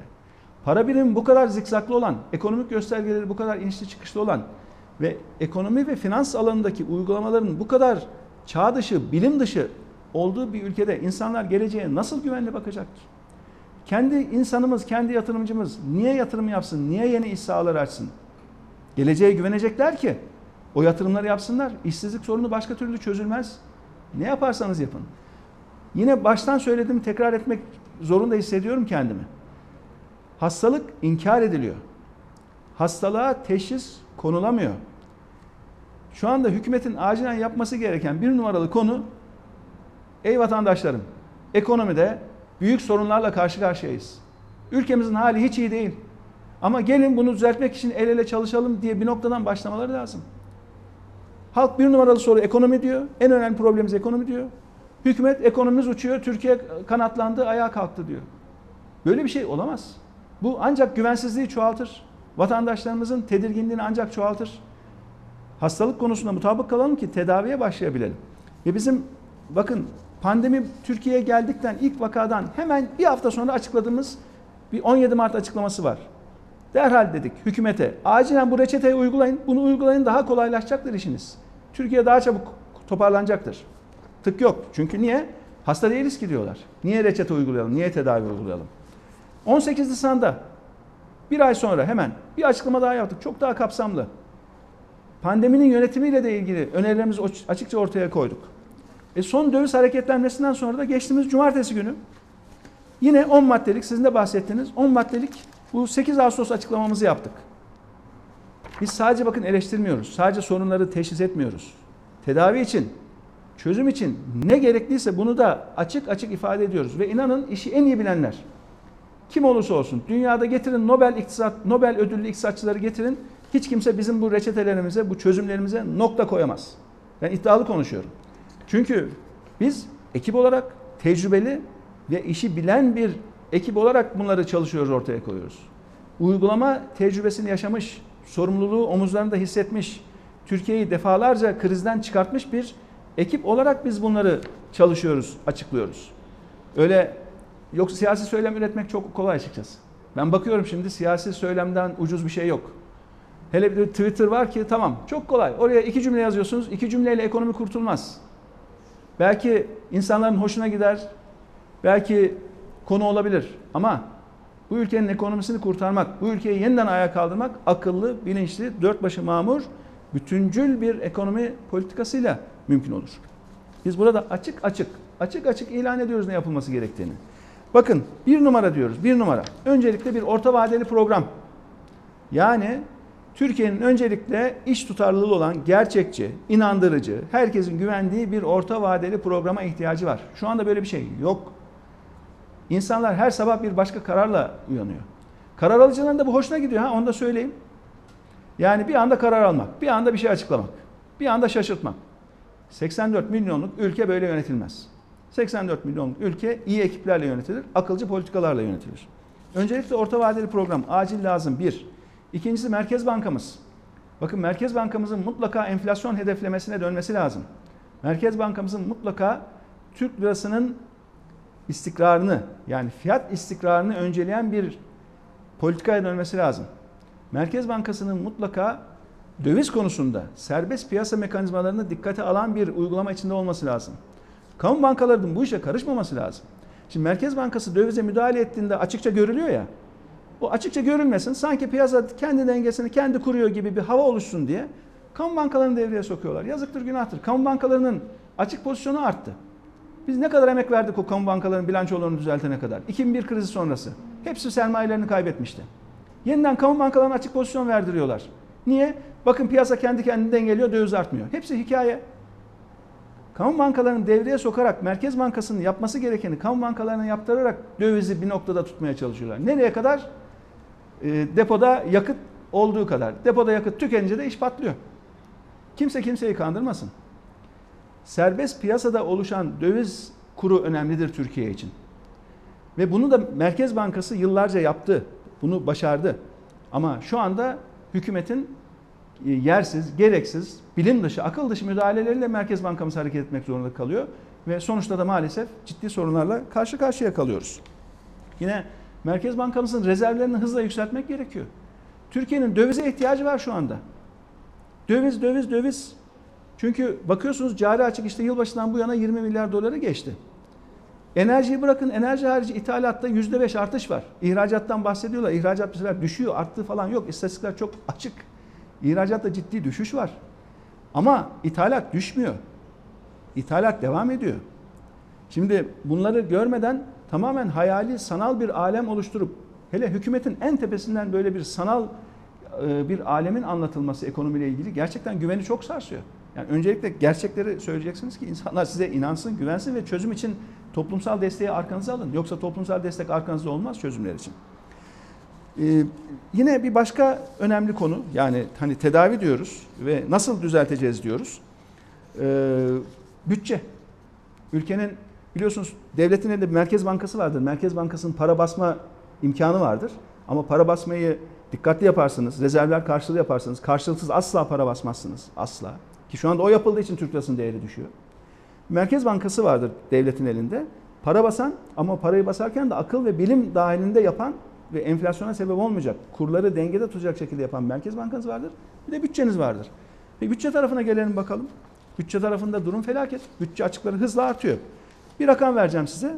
Yılbaşından bugüne kadar hazinenin ödediği iç borç 128 milyar. Tekrar borçlandığı rakam 252 milyar. Türkiye Cumhuriyeti Hazinesi'nin borç çevirme rasyosu denir buna. %190'a ulaşmış durumda. Akıl alacak gibi değil. Biz %80'lerde tuttuk bunu yıllarca. Yani devlet 100 lira borç ödedi yerine 80 lira borçlandı. 6 ayda 128 lira hazine borç ödemiş. 128 milyar lira.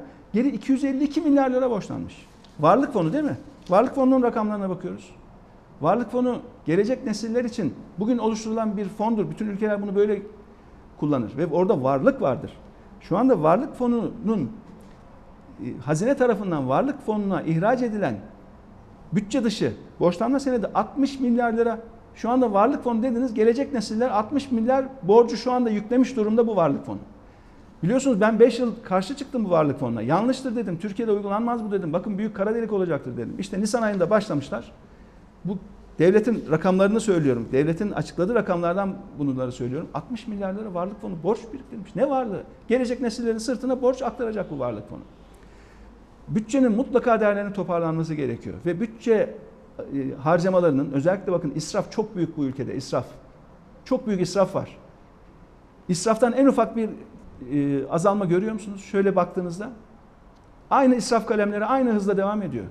Yazık günah değil mi? Bu kadar bu ülkenin ihtiyacı varken, bu kadar ülkede yoksulluk çoğalırken, işsizlik çoğalırken. Bunları mutlaka e, kontrol altına almak gerekiyor. Vatandaşın birebir Yine soruları Türk- gelmeye bakın- devam ediyor Sayın Babacan. Bir virgül Türkiye- rica edeyim. Ee, yani en Ha, çok sesinizi duymakta zorluk çektim Ezgi Hanım. Sesinizi Hemen biraz daha yüksek çektim. Sesle konuşayım. Bir yandan hani vatandaşın zorluk Evet. çektiğinden, işsizliğinden, yoksulluğundan bahsediyorsunuz. Yoksulluktan hatta artık son dönemde fakirleşmeden, Türkiye'nin fakirleşmesinden bahsettiğinizi yorumlarınızdan takip etme şansımız oluyor. Ee, vatandaş en çok vergilendirme ile ilgili sorular gönderiyor son dönemde. Ee, yani yapılan vergilerin, vergi yükünün giderek artmasından, e, yap işlet devret şeklindeki e, sistemin vatandaşın sırtına bindirdiği yükten söz eden sorular geliyor. Bir de vergi dağılımındaki dengesizlikten de söz ediliyor. Lüks tüketim ürünlerine yapılan vergi refahıyla diğer temel tüketim maddeleri üzerindeki vergi yükünün artıyor olması e, dengesizliği ile ilgili ne söyleyeceksiniz? Şimdi e, e, dediğim gibi devletin bir merkez bankası var. Yani para politikası alanı var.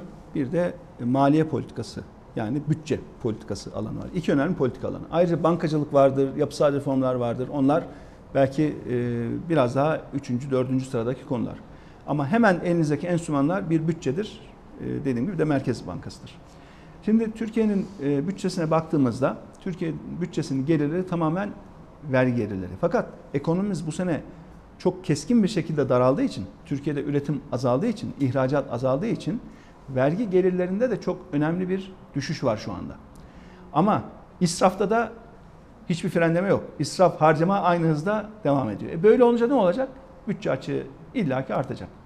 Ve özellikle vergi e, tarafına baktığımızda bizim vergi yapımızda harcamadan alınan vergiler gelirden alınan vergiye göre daha yüksektir. Yani özel tüketim vergisiyle katma değer vergisinin toplamı bütçede kurumların ve şahısların gelir vergisinden daha yüksektir. Daha büyük bir rakamdır. Yani Türkiye'nin bütçe yapısında harcarken daha çok vergi alınır. Ama ülkede harcamalar azaldığı için, insanlarımız daha az tükettiği için özellikle Mart, Nisan ve Mayıs aylarında Haziran, Temmuz'dan itibaren tekrar tüketimde bir e, yükselme başladı. Ama 3 ay ciddi bir düşüş oldu. Dolayısıyla vergi gelirlerinde de çok ciddi düşüş var. Bu vergide adalet son derece önemli. Vergide adalet son derece önemli. Çünkü bizim ülkemizin petrolü yok, doğalgazı yok. Hazır böyle toprağın altından çıkıp satacak kıymetli madenlerimiz çok az. Dolayısıyla devletin geliri vatandaşından topladığı vergi. Yani aslında ne kadar harcama görüyorsanız etrafta bu harcamaların tamamı vatandaşlarımızdan toplanan vergiyle yapılıyor. Artı bir de borçlanmayla yapılıyor. Borçlanma rakamlarını söyledim. Son dönemde felaket borç artıyor, devlet borcu artıyor. Bir de ne oluyor? Merkez Bankası para basıyor. Merkez Bankası'nın bastığı parayı da harcıyorlar. Zaten paranın değerinin düşmesinin en önemli sebebi bu. Yani parayı karşılıksız basarsanız, çok basarsanız o paranın değeri düşer. Bu kaçınılmaz bir sondur. Ve şu anda Türkiye o kaçınılmaz sonu yaşıyor açıkçası. Fakat yine söylüyorum. Bakın bunların hepsi çok kolay düzeltilebilir, tedavi edilebilir konular. Türkiye çaresiz değil. Türkiye kurtarılamaz bir vaka değil. Kesinlikle değil. Ehil kadrolar, dürüst kadrolar, akıl, bilim, istişare ve Türkiye yeniden ayağa kalkar, yoluna hızlı bir şekilde devam eder. Bunu güvenerek söylüyorum. Çünkü daha önce defalarca yaptık biz bunu. 2001 krizinden sonra yaptık. 2004'te böyle kısa bir dalgalanma yaşadık. O çok önemli değildi, çabuk geçti. 2006'da vardı küçük dalgalanma. 2008-2009'da dünya krizi geldi. Son 100 yılın en büyük krizlerinden birisi.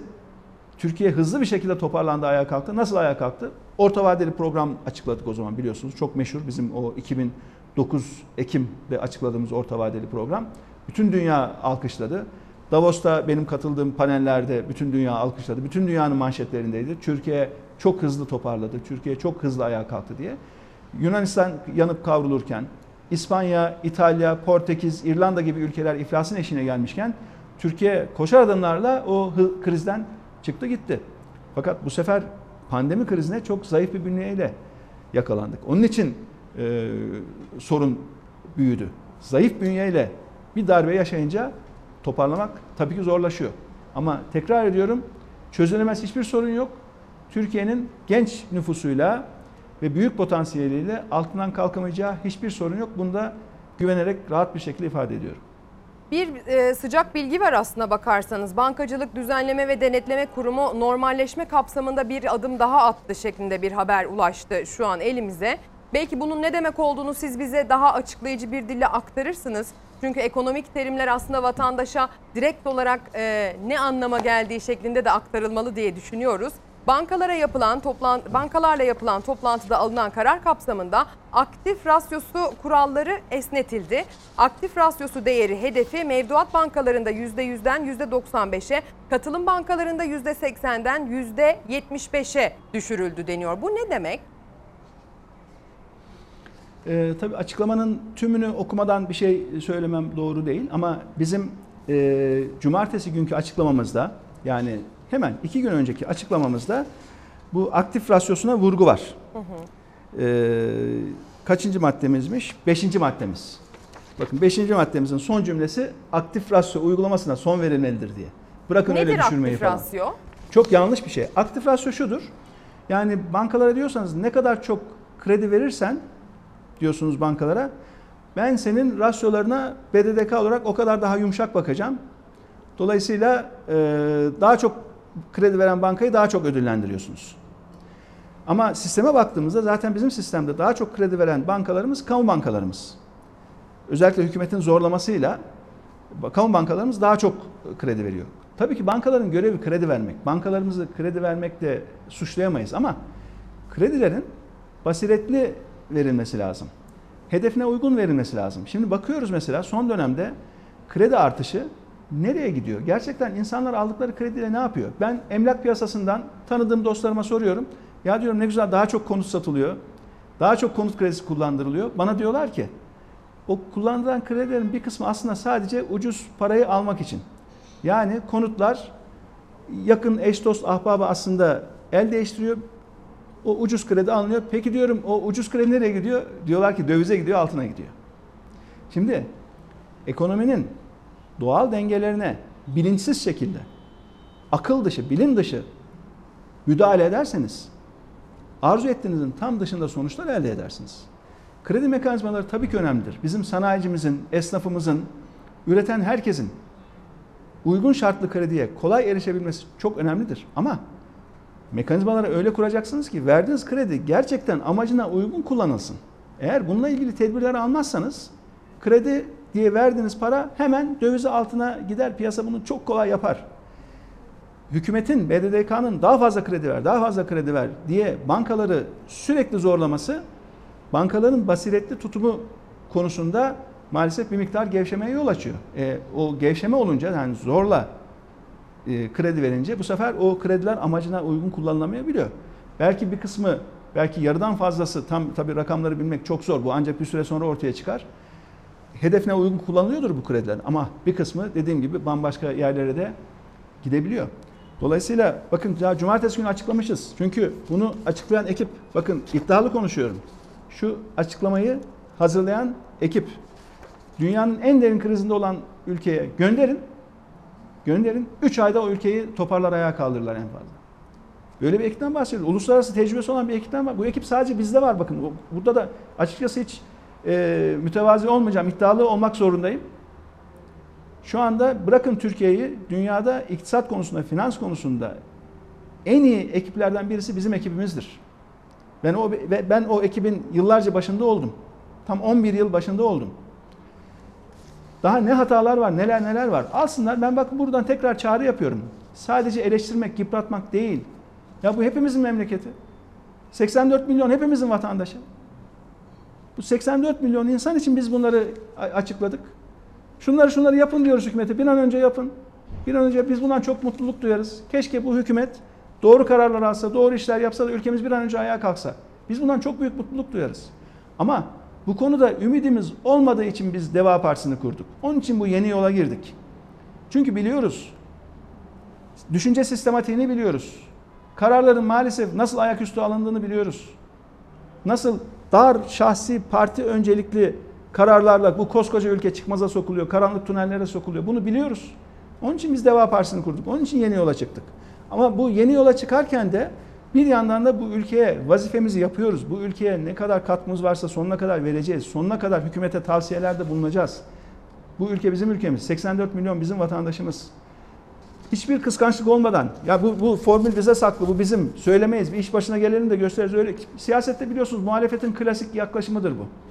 Biz iş başına gelelim de görürsünüz nasıl çözeceğimizi. Öyle değil. Biz bakın bugünkü hükümete diyoruz ya şunları yapın bir an önce arkadaş diyoruz. Yapın şu ülke ayağa kalksın yazıktır diyoruz. Bugünkü işte BDDK'nın açıklaması dediniz. İşte bizim 10 maddemizin içerisinde tek bir cümle biz tamamen kaldırın dedik. Onlar biraz gevşetmişler anladığım kadarıyla. Ee, tabii açıklamanın tümünü okumadan da bir şey diyemiyorum. Yani yanlış bir anlamadan da korkuyorum ama yani kabaca e, anladığım bu BDDK kararıyla alakalı. Çok teşekkür ediyorum. Ee, aslına bakarsanız e, ekonomiden devam etmek istiyorum ama tabii ki siyasetle ilgili de size sormam gereken sorular var. Siz siyaset sahnesine tazece çıkmış bir ekipsiniz. Ee, yaklaşık 13 ay önce kurucusu olduğunuz AK Parti'den istifa edip aslında yeni bir yola doğru yöneldiniz ekibinizle birlikte. Biz de bu süreci aslında ekip olarak, Fox Haber olarak yakından takip ettik. Ee, son dönemde özellikle erken seçimden söz ediliyor. Son dönemde ittifaklarla ilgili yeni arayışlar, yeni arayışların sinyalleri aslında e, bültenlere yansıyor, gündeme yansıyor biliyorsunuz. Bunlarla ilgili size sorular sormak isterim. E, Deva Partisi'nin siyaset sahnesindeki yeriyle ilgili sizlere sorular sormak isterim. 2021 yılında gerek siyasi olarak gerek ekonomik olarak hangi noktada olmamızı beklediğinizi merak ediyorum. Bu konudaki yorumunuzu merak ediyorum. Ama isterseniz öncesinde bir virgül koyalım. Burada kısa bir ara verelim. Aslına bakarsanız yayınımızı biz e, bu blok içerisinde sınırlandırmayı planlamıştık ama e, Ali Babacan'ın söyleyecekleri gerçekten önemli. Aktaracağı da belli ki çokça şey var heybesinde. Dolayısıyla o heybeyi boşaltmadan göndermek istemeyiz. Tüm yorumlarını, tüm e, katılımını almak isteriz kendisinden. Şimdi kısa bir ara verelim. Sonrasında Ali Babacan'la hem siyaset hem ekonomi konuşmaya devam edeceğiz. Sevgili izleyenler tekrar ekran başına hoş geldiniz. Çalar Saat tüm hızıyla devam ediyor. Yayın konuğumuz biliyorsunuz Ankara stüdyomuzda Deva Partisi Genel Başkanı Ali Babacan. Ali Babacan'la reklam öncesindeki e, yayınımız sırasında e, Türk lirasının son dönemde kaybettiği değerle alakalı, ekonomik durumumuzla alakalı, Deva Partisi'nin konuyla ilgili 10 maddelik çözüm önerisiyle alakalı genişçe konuştuk. Ben kendisiyle aslına bakarsanız siyaset sahnesine e, yeni çıkmış Deva Partisi üzerinden kendisi siyasette çok deneyimli biraz isim ama Deva Partisi çatısı altında e, yeni bir oluşum söz konusu. E, siyasi anlamdaki beklentilerini de merak ediyorum Sayın Ali Babacan'ın. Önümüzdeki yıl için gerek Türkiye'nin ekonomisi gerek Türkiye'nin siyasetiyle ilgili ne beklediğini e, sormak istiyorum. 2021'de Türkiye'yi ne bekliyor? Örneğin bir erken seçim Bekliyor musunuz? Ee, ittifaklar söz konusu artık seçimlerden sonra koalisyonlar değil seçimlerden önce ittifakların yapıldığı, yaşandığı bir dönemdeyiz. Ee, ittifaklar demişken son dönemde Meral Akşener'e de bir evine dön çağrısı geldi MHP lideri Bahçeli'den. Ee, olumsuz bir cevap geleceği yönünde ilk sinyaller verildi İyi Parti cephesinden. Meral Akşener de verdiği kısa ve ilk cevapta çok olumlu bir görüş dile getirmedi. Siz ittifaklar konusunda e, olursa bir erken seçim e, nasıl bakarsınız, nasıl yaklaşırsınız? Ee, Ezgi Hanım öncelikle e, şunu söylemekte fayda var. E, bugünkü hükümet e, hala işleri toparlayabileceğini zannediyor. Ve önünde de yaklaşık 3 yıllık bir dönemin olduğunu varsayıyor bütün bu toparlama için. E, dolayısıyla benim tahminim bir süre daha e, Türkiye'yi toparlayabilir miyiz diye bir arayış içerisinde olabilirler. Bir yandan da tabii siyasetin biliyorsunuz bir ülkeyi yönetme boyutu vardır. Bir asıl önemli boyutu vardır. Bir de işte ayak oyunları vardır. E, senaryolar vardır, tiyatrolar vardır. Bir de oyunu vardır. Şimdi dolayısıyla açıkçası biz o tarafıyla şu anda hiç ilgilenmiyoruz. Biz ne yapıyoruz? Biz Deva Partisi olarak teşkilatlanma çalışmalarımızı hızlı bir şekilde sürdürüyoruz. Bugüne kadar 61 ilimizde kurucu heyet oluşturduk. Yüzün üzerinde ilçede e, ilçe başkanlarımızı görevlendirdik e, ve hızlı bir şekilde kendi teşkilat yapımızı oluşturuyoruz. E, önemli bir önceliğimiz bu. Ama bir yandan da ülke problemlerini, sorunları iyi takip ediyoruz ve çözüm içinde bütün ekiplerimiz yoğun bir şekilde gece gündüz demeden çalışıyor. Yani iki alana konsantre olmuş durumdayız. Dolayısıyla bizim gündemimizde ne ittifak meselesi var, ne hangi parti ne tarafa geçmiş, taraf mı değiştirmiş, işte şu kişi çıkmış, bu kişi olmuş, yeni parti kurulacakmış, kurulacakmış. İnanın bunlara bakmıyoruz. Biz şu anda kendi teşkilatlanmamızda ve memleketin meseleleriyle son derece meşgulüz. Ve bizim bütün oryantasyonumuz, yani genel merkezimizin, genel merkezimizdeki bütün çalışma grupların, bütün politika kurullarımızın odaklandığı konu asıl gün gelip de sorumluluğu üstlendiğimizde ne yapacağımız konusunda hazır olmak. Yani iş başa düştüğünde ekip olarak ve uygulamalar olarak, politikalar olarak hazır olmak. Bizim konsantrasyonumuz tamamen bu tarafta. Ancak e, tabii ki e, bizim iş başına gelmemiz için bir hükümet değişikliği gerekiyor ve bir seçim gerekiyor. Bu seçimle ilgili ben daha önce de tahminlerimizi söyledim. Ee, yani 2023 deniyor ama 2023'e kadar Türkiye'nin ne ekonomik yapısı, ne e, sosyolojisi, ne siyasi meşruiyet zemini dayanmaz açıkçası. Yani bu çok zorlama olur. 2023'e kadar idare etmesi çok zor. Ama özellikle dünyadaki bu dikte bolluğunu, eksi faizleri de dikkate aldığımızda e, Türkiye'nin e, şartları kötüleşerek bir süre daha devam edeceğini maalesef şartların kötüleşerek bir süre daha devam edeceğini Ve muhtemelen 2021 ya da 2022 yılında artık seçimin kaçınılmaz olacağını tahmin ediyoruz. Bizim bu tamamen tahminimiz. Ama bugünkü şartlara göre, elimizdeki bugünkü verilere göre. Hani yarın neler olur? Şartlar nasıl değişir? Hükümet tarafında neler olur? Hükümetin ortakları arasındaki ilişki nasıl seyreder? Hükümetin ortakları arasında bir başka ortak eklenir mi eklenmez? Bunları biz bilemiyoruz doğrusu. Bunlar kendi aralarında yapacakları tartışmalar. Ama ben şuna üzülüyorum. Memleketin bu kadar sorunu varken dikkat edin siyasi gündemde e, bambaşka konular var siyasi gündemde. Yani siyasi gündem e, açıkçası e, önemli ölçüde içi boş tartışmalarla dolu. Ben bakıyorum şöyle haber programlarına bakıyorum. Akşam tartışma programlarına bakıyorum. Ne üretiliyor diye merak ediyorum doğrusu. Yani bu memleketin hayrı için ne üretiliyor? Memleketin hangi sorununa hangi çözüm üretiliyor? Ben bunu göremiyorum maalesef ve çok üzülüyorum. Ülkem adına üzülüyorum. 84 milyon vatandaşımız adına üzülüyorum. Biz dediğim gibi e, yeni kurulmuş bir siyasi partiyiz. Ama e, ana akım bir siyasi parti olmayı hedefleyen bir siyasi partiyiz. Ana akım bir siyasi parti. Türkiye'nin bütün kesimlerinden ve tüm coğrafyasından desteğini almış bir siyasi partiyiz ki bize web sitemizden ya da yüz yüze görüşmelerimizden gelen taleplere baktığımızda, üyelik taleplerine baktığımızda, gönüllülük taleplerine baktığımızda 81 vilayetin 81'inden de çok yoğun ilgi var çok şükür. Ve bu bayram e, haftası vesilesiyle benim ziyaret ettiğim illerde karşılaştığım tablo gerçekten son derece sevindirici. Son derece sevindirici. Yani insanlarımızda hem çok olumlu bir bakış var partimize karşı, ciddi bir teveccüh var. Ama şu da var, bir miktar hükümetin oluşturduğu korku iklimi de var maalesef. Yani hükümetin oluşturduğu bu korku iklimi özellikle küçük şehirlerde maalesef vatandaşlarımızı önemli bir ölçüde baskı altına alabiliyor. O komşu baskısı, mahalle baskısı. Zaten küçücük yer. Devletin birimleri orada. E, orada iktidar partilerine mensup insanlar var. Oralarda böyle mikro baskı ortamları oluşturabiliyor ama bunların hiç önemi yok. Biz hızla gönülleri kazanıyoruz. Bizim şu andaki önceliğimiz gönülleri kazanmak.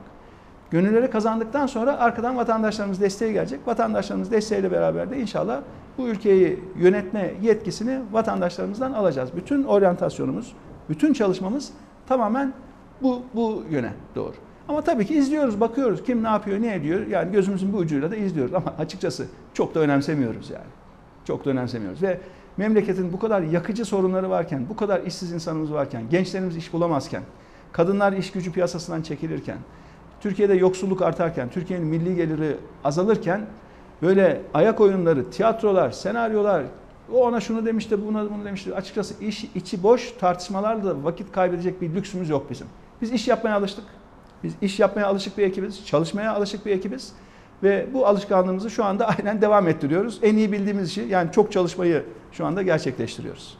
Anlıyorum. Peki ilerleyen dönemde e, ittifaklar söz konusu olursa biliyorsunuz şimdiki ittifaklara bakıldığında e, AK Parti MHP ittifakı belki bu söyleyeceğim sınıfa girmiyordur ama karşısındaki ittifaka bakıldığında aynı çatı altında buluşmuş partilerin aslında ideolojik ve sosyolojik olarak birbiriyle çok da örtüşmediği görülüyor. Ancak ortak bir amaç çerçevesinde toplanmak üzerine bir ittifak olduklarını söylüyorlar. Hatta bu yüzden adları Millet İttifakı e, olduğunu söylüyorlar. E, siz böyle bir ittifak durumu gerekirse ya da böyle bir duruma girilirse ideolojik ya da sosyolojik bir örtüşme arar mısınız? Şimdi biliyorsunuz e, ittifak meselesi bu Cumhurbaşkanlığı hükümet sistemi geldikten sonra gündeme geldi ve bir yasa değişikliğiyle siyasi partiler ve seçimlerle ilgili yasalardaki değişikliklerle bir ittifak imkanı oluşturuldu. E, dolayısıyla bu ittifaklar aslında bir seçim ittifakı. Yani seçimden önce yapılan bir ittifak. Seçim olduktan sonra parlamento oluştuktan sonra bu ittifakların aslında fiili bir e, hukuki bir gerekçesi ortadan kalkmış oluyor. Yani biz hep geçmişe dönük ittifaklardan bahsediyoruz ve bir önceki seçimden önceki ittifaklardan bahsediyoruz. Bir sonraki seçime ittifaklar nasıl oluşur? Hangi parti kiminle nasıl bir araya gelir? Bunları tartışmak için açıkçası çok çok erken. Çok çok erken. Bizim amacımız şu anda partimizin, Deva Partisi'nin vatandaşlarımızın, halkımızın üzerinde ittifak kuracağı bir parti olmak.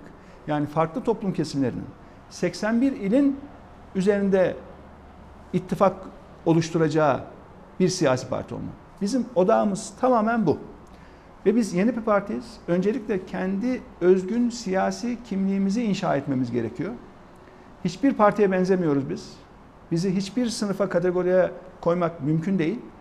Tamamen özgün, bu ülkenin topraklarından doğmuş, vatandaşlarımızın yoğun talebi üzerine kurulmuş bir siyasi partiden bahsediyoruz. Ve e, partimizin öncelikle bu siyasi kimliğini e, tuğla tuğla inşa etmesi gerekiyor. Bir virgül Bunu da rica çok edeceğim. şu ana bir kadar son gayet dakika güzel bir var şekilde çünkü yapıyoruz. Sayın Babacan. Çok özür diliyorum. İşsizlik oranı 0,1 puanlık artışla e, 12,9 seviyesinde gerçekleşti Mayıs ayında. TÜİK Mayıs ayına ilişkin işsizlik rakamlarını aslında şu dakika itibariyle açıkladı. Bu 0,1 puanlık artışla işsizlik oranının 12,9 seviyesine çıkmasını Mayıs ayı itibariyle nasıl değerlendiriyorsunuz? 0,1'lik artışı gerçekçi buluyor musunuz? Ee, Şimdi öncelikle e, şunu söyleyeyim. Biz Deva Partisi olarak e, her ay muntazam bir istihdam ve işsizlik değerlendirmesi raporu açıklıyoruz. Bakın başka konularda bunu bu kadar sık yapmıyoruz. Ama memleketin en yakıcı konusu işsizlik olduğu için şu anda her ay bir değerlendirme raporu çıkarıyoruz. Şimdi e, her ay e, ayın 10'unda saat 10'da TÜİK bu verileri açıklar. Bu açıklanan verilerde yanılmıyorsam Mayıs verisi olması lazım. Evet. Çünkü geçen ay Nisan açıklanmıştı. Bu açıklanan da Mayıs. Ama Mayıs dediğimizde Nisan, Mayıs, Haziran'ın ortalamasıdır. Hı hı. Nisan, Mayıs, Haziran ortalamasıdır. 0,1 Ve, puanlık bir yine, artıştan e, söz Tabii ediliyor. önümde bu açıklama yok. Sizin önünüzde var ama benim önümde yok. Ama Ben şunu söylemem lazım. Ee, tamam. 0,1 puanlık bir artıştan söz ediliyor ve 12,9 seviyesinde gerçekleştiğini söylüyor. Ee, tarım dışı işsizlik oranı 0,2 puan artışı gördüğünü söylüyor TÜİK verileri. Ee, Türkiye genelinde 15 ve daha yukarı yaştakilerdeki işsizlik sayısı 2020 yılı Mayıs ayı döneminde geçen yılın aynı dönemine göre 331 bin kişinin azaldığı söyleniyor. 15 ve daha yukarı yaştaki işsizlik oranı 2020 e, yılı Mayıs ayı döneminde 2009 Mayıs'ına göre e, 331 bin kişi azalmış. Evet. Şimdi e, bu TÜİK'in açıkladığı veriler bir e, ilk birkaç sayfası olur. Bir de detaylı tablolar olur. Tabii ki muhakkak. Aslında e, sırlar, o sırlar o detaylı tablolarda öyle diyelim. Çünkü burada e, iş dönüyor dolaşıyor, işsiz tanımına dayanıyor. İşsiz kimdir diye. Eğer siz işten çıkartmayı yasakladıysanız ve insanlar ücretsiz izin aldıysa, ücretsiz izin ne demek? Patronundan bir kuruş maaş almamak demek. Ama aynı zamanda o bordroda duruyor demek. Şimdi patron işten çıkaramıyor. Mecburen o şirketin bordrosunda duruyor. Sorduğunuz zaman senin işin var mı? E var diyor şirkette kaydın var diyor. Ama devletten de bir yandan işsizlik ödeneği alıyor. Dolayısıyla hükümetin bu işten çıkartmayı yasaklayarak e, yaptığı aslında en önemli icraat diyelim TÜİK'in istatistiklerini olduğundan daha güzel göstermeye yöneltmek. Onları işsizler arasında görmüyoruz. Ya da Ki kısa çalışma Mayıs ödeneği alan aslında bu çalışanlarımız var. en çok kullanıldığı pandemi döneminin aslında e, en Kesinlikle. çok e, tavan yaptığı dönem. Aslında beklentiler bu dönemde Tabii, işsizlik tabii. sayılarının azalması yönünde olurken Doğru. siz bordrolardan bahsediyorsunuz. Evet, evet. Dolayısıyla e, şimdi sokaktaki bir Türkiye gerçeği var. Bir de hükümetin ya da ilgili kurumların açıkladığı Türkiye senaryosu var. Türkiye tiyatrosu var. Biz gerçeğe bakıyoruz. Maalesef TÜİK yıllarca emek verdiğimiz, sıfırdan kanunu çıkarttığımız bir kurum. Ve ben çok uğraştım o kurumun kanunu çıkarırken. Merkez Bankası kadar bağımsız bir TÜİK oluşturduk biz zamanında. Ve ben TÜİK'le çok yakından ilgilenen bir bakan olarak yıllarca TÜİK'in açıkladığı verileri sadece ve sadece basından öğrendim. Bir dakika önce dahi arkadaşları arayıp ya arkadaşlar enflasyon ne çıkıyor, ne açıklayacaksınız diye sormadım. Hükümetin icraat yapması lazım. TÜİK'in de bunu ölçmesi lazım. Kurumun amacı bu. Biz bunlara çok dikkat ettik. Hep diyoruz ya kurumlar ve kurallar diyoruz. Ve bizim yine bu 10 maddelik e, acil tedbir önerimizden bir tanesi biliyorsunuz 9. maddemiz TÜİK'in acilen bağımsızlığına kavuşması ve TÜİK'in yeniden itibarını ve güvenilirliğini sağlaması diyoruz. Devletin açıkladığı rakamlara hem kendi vatandaşımız güvenecek hem de dünya güvenecek. Allah korusun yoksa bakın hemen yanı başımız Yunanistan bu felaketi yaşadı. Yunanistan'ın açıkladığı rakamlara yıllarca hiç kimse bakmadı, güvenmedi. Arjantin yaşadı. Arjantin rakam açıklardı. Uluslararası kuruluşlar onu yayınlardı ama derlerdi ki Arjantin bunu söylüyor ama dışarıdan bakanlar bu rakamları teyit etmiyor derdi. Şimdi Yunanistan ve Arjantin örneği varken Türkiye'nin bu kötü örneklerden birisi haline gelmesini hiç arzu etmeyiz. Yazıktır bu ülkeye. Kredibilite yavaş yavaş oluşur ama kredibiliteyi güveni yıkmak çok kolaydır. Önerilerimizin 9. maddesinde de tekrar vurguladığımız gibi TÜİK'in bağımsızlığı ve güvenilen bir kuruluş olması, itibarlı bir kuruluş olması çok önemli. Zaten bağımsızlığı siz sağlayın. Dürüst, düzgün insanları koyun. Bir süre sonra kredibilite gelir, arkadan gelir. Bu olur. Ve hala orada böyle düzgün az sayıda arkadaşımız var. Ama hükümetin bu kadar yoğun baskısıyla bağımsızlığa inanmayan, bağımsız kuruluşların varlığına inanmayan, bağımsızlığı ayakları altına alıp çiğneyen, bağımsız kurul kurum e, kavramına inanmayan bir hükümet elinde bu kurumların kredibilitesini, güvenilirliğini oluşturması da çok çok zor açıkçası. Bugünkü işsizlik rakamlarına bakarken şuna bakmak lazım ki ben bu programdan hemen sonra o tablolara bakacağım. Toplam çalışan sayımız geçen sene Mayıs'ta neymiş, bu sene Mayıs'ta ne olmuş? Buna bakmak lazım. Toplam kaç kişi çalışıyor Türkiye'de? Yani toplam istihdam rakamına bakmak lazım. Yine gençlerimiz geçen sene kaç gencimiz çalışıyormuş, işi varmış. Bu sene kaç gencimiz çalışıyor, işi var. Buna bakmak lazım. Kadınlarımız geçen sene çalışan kadın sayımız kaçmış, bu sene çalışan kadın sayımız kaça düşmüş? Bunlara bakmak lazım. Yani işsiz tarafından gittiğinizde istatistik oyunları başlıyor. Ama çalışan tarafından baktığınızda o o kadar kolay değil o rakamlarla oynamak. Allah'tan rapor TÜİK'in raporlarında bunun hepsi var da oradan bakıyoruz tabii bakıyoruz ama acaba diye soru işareti de insanın aklına her zaman geliyor. Çünkü nihayetinde bunlar saha araştırılmasıyla yapılıyor. Yani TÜİK işsizliği ölçerken gidiyor tek tek tek tek adamları saymıyor. Hane halkı iş gücü anketiyle yapıyor. Yani evlere gidiyorlar tek tek örneklem seçiyorlar. Aynı kamuoyu yoklaması yapar gibi. Hani seçim anketleri yapılıyor ya, Hı hı. kamuoyu yoklamaları yapılıyor ya. TÜİK'in de yaptığı bu aslında. TÜİK'in işsizlik araştırması zaten adı araştırma. Hane halkı iş gücü anketinden çıkıyor. TÜİK aslında gidiyor, araştırma yapıyor sahada. Ve örneklemden çıkarıyor işsizlik rakamını ilan ediyor. Bir TÜİK'le ilgili Enflasyon aslında da siz de öyle. bu TÜİK çözüm önerilerinizde yapıyor? 9. Enflasyon maddede için- sıralıyorsunuz. Yani TÜİK'ten Aynen de öyle. bahsediyorsunuz Aynen çözüm öyle. önerisinde. Öyle. Öyle öyle. 9. maddemizde var. Var. Yani bu çünkü bizim 10 madde 3 sayfa 10 madde ama inanın güçlü bir reçete. Hastalığa çok iyi gelecek bir reçete yani. En ufak kuşkumuz yok.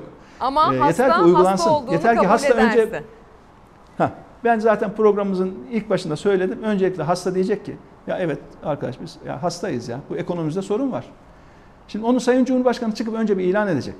Diyecek ki ey vatandaşlarım ekonomimizde ciddi sorunlar var. Çalışanlarımız sayısı çok düştü. Hayat pahalı. Bunun farkındayız. Ama gelin hep beraber çözelim. Aklı olan, bilgisi olan kim var kim yoksa bize önerilerde bulunsun. Gelin bunu tartışalım. Hep beraber çözelim diyecek. Ya hastalığı inkar teşekkür yok ekonomide hiçbir şey yok kardeşim görmüyorsunuz. Her şey büyüyor, her şey gayet güzel deyince tabii hükümetten böyle açıklamalar gelince tedaviye başlayamıyorsunuz. Yani soruna e, tekrar e, bu şekilde e, dönmüş olalım e, ve bu şekilde e, sözlerimi tamamlayayım ben. Çok teşekkür ediyorum. Deva Partisi Genel Başkanı Sayın Ali Babacan e, konuğumuzdu. Ankara Stüdyo'dan yayınımıza katıldı. Kendisine değerli katılımı ve katkıları dolayısıyla çok çok teşekkürler. E, biliyorsunuz sevgili izleyenler AK Parti'deydi. AK Parti'nin kurucu isimlerinden biriydi. Uzun yıllar AK Parti'de ekonominin dümenindeydi Ali Babacan. Kendisiyle gerek ekonomiden, gerek Türk lirasının e, yaşadığı değer kaybı ile ilgili sundukları çözüm önerisinden, gerekse Türkiye'nin içinde bulunduğu siyasi iklimden konuştuk. E, Kendisi üstüne basa basa şunu söyledi. Türkiye evet bir ekonomik darboğazda, pandemiden önce de darboğazdaydı. Pandemiden sonra da bir darboğaz yaşanıyor Türkiye'de. Ancak bu demek değil ki Türkiye e, bu dar boğazdan çıkamaz. Bununla ilgili çözüm önerilerimiz, e, projelerimiz hazır ve bunları paylaşmaya da hazırız dedi. Deva Partisi adına konuştu Genel Başkan Ali Babacan. Kendisine teşekkür ediyoruz.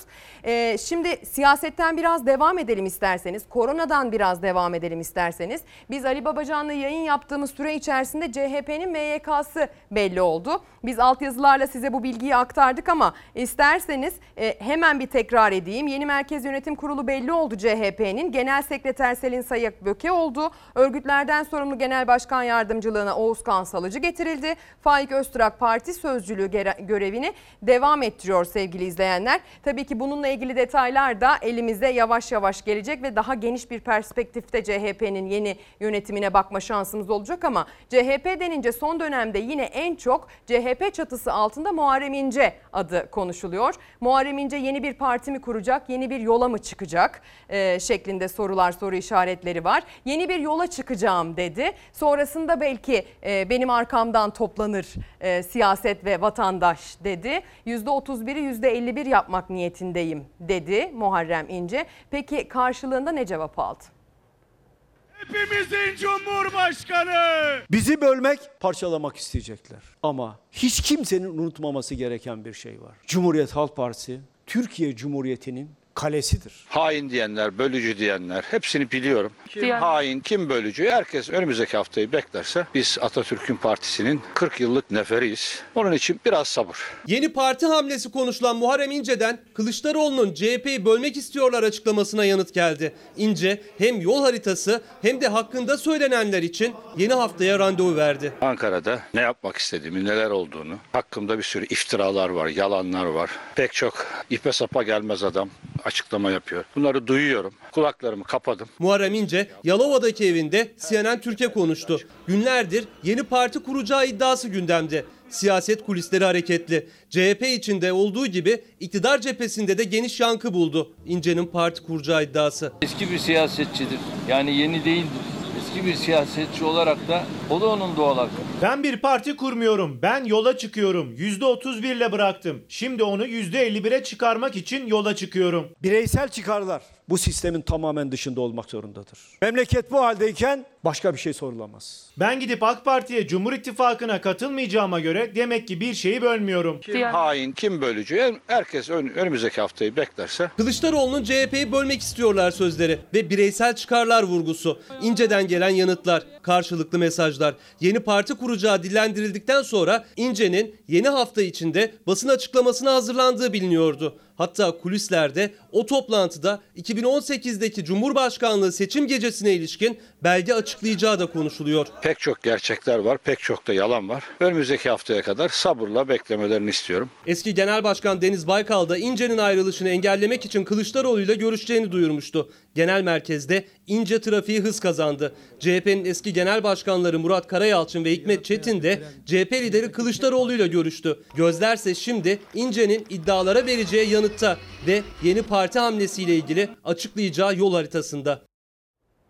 Sevgili izleyenler korona gündemiyle devam edeceğiz. Asıl konuşmamız gereken dedik ama konuşacak o kadar çok asıl konumuz var ki gerçekten hangi köşesinden tutalım gündemi bazen biz de şaşırıyoruz. Siyaset e, çok fazla konu başlığı üretiyor Türkiye'de biliyorsunuz. Aynı zamanda bir pandemi gündemimiz var başlı başına aslında üzerine düşünüp kafa patlatmamız gereken, hepimizin bireysel olarak önlem alması gereken. Bununla ilgili Sağlık Bakanı son bir açıklama yaptı. O açıklamaya gitmeden önce açıklanan son tabloya bakalım. Bir gün öncenin tablosunda 63 binin üzerinde olan test sayısı 9 Ağustos'ta 61.446 olarak gerçekleşti. Uzmanlar bunun 100 bine çıkması gerektiğinin altını çiziyor. Özellikle belirli meslek gruplarının da sık sık taranması gerektiğinin altını çiziyorlar.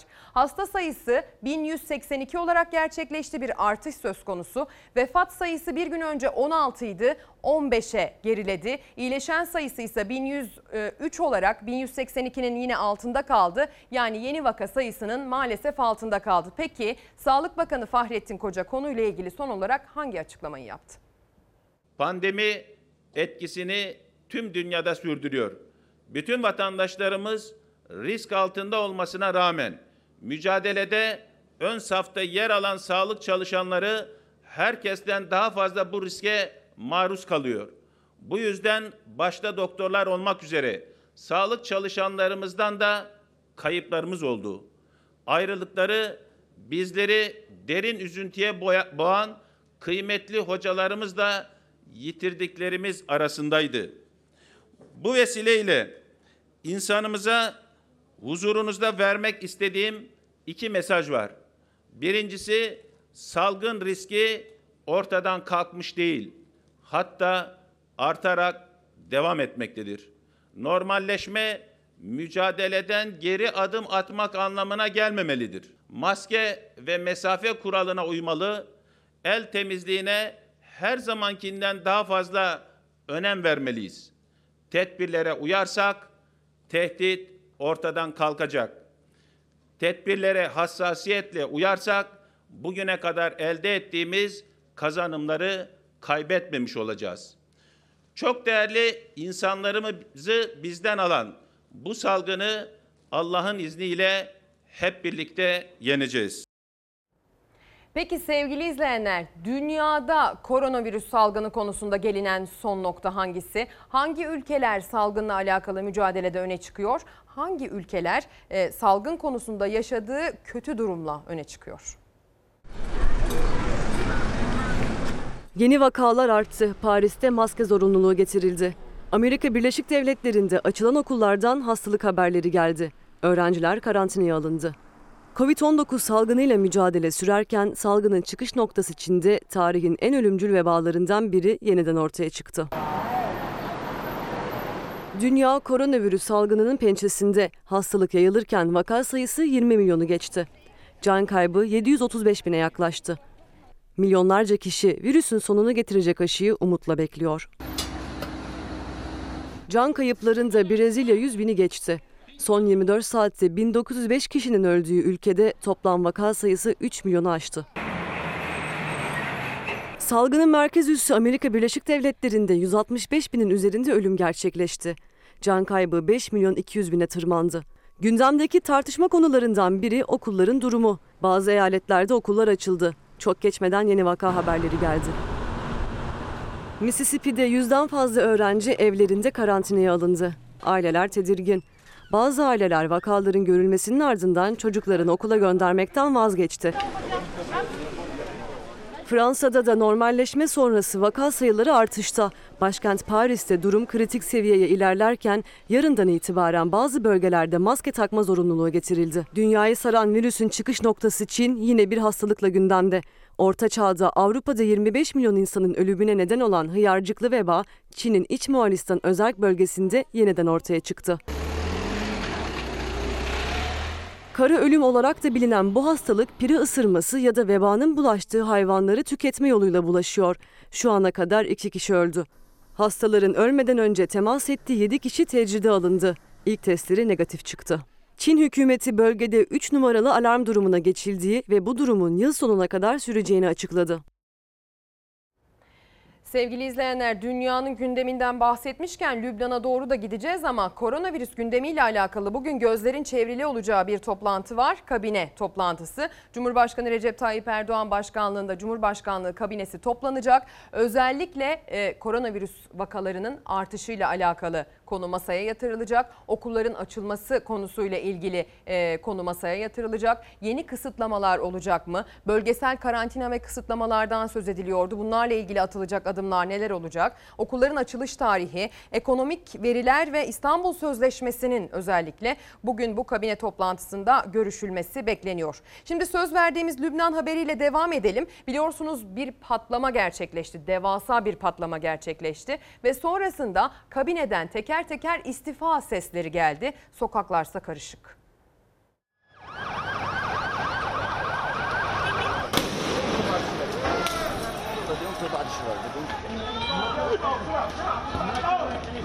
Hükümete öfke isyana dönüştü. Beyrut sokakları karıştı. Göstericiler bakanlıkları işgal etti. Ordu sokağa çıktı. Hükümetten istifa haberleri peş peşe geldi.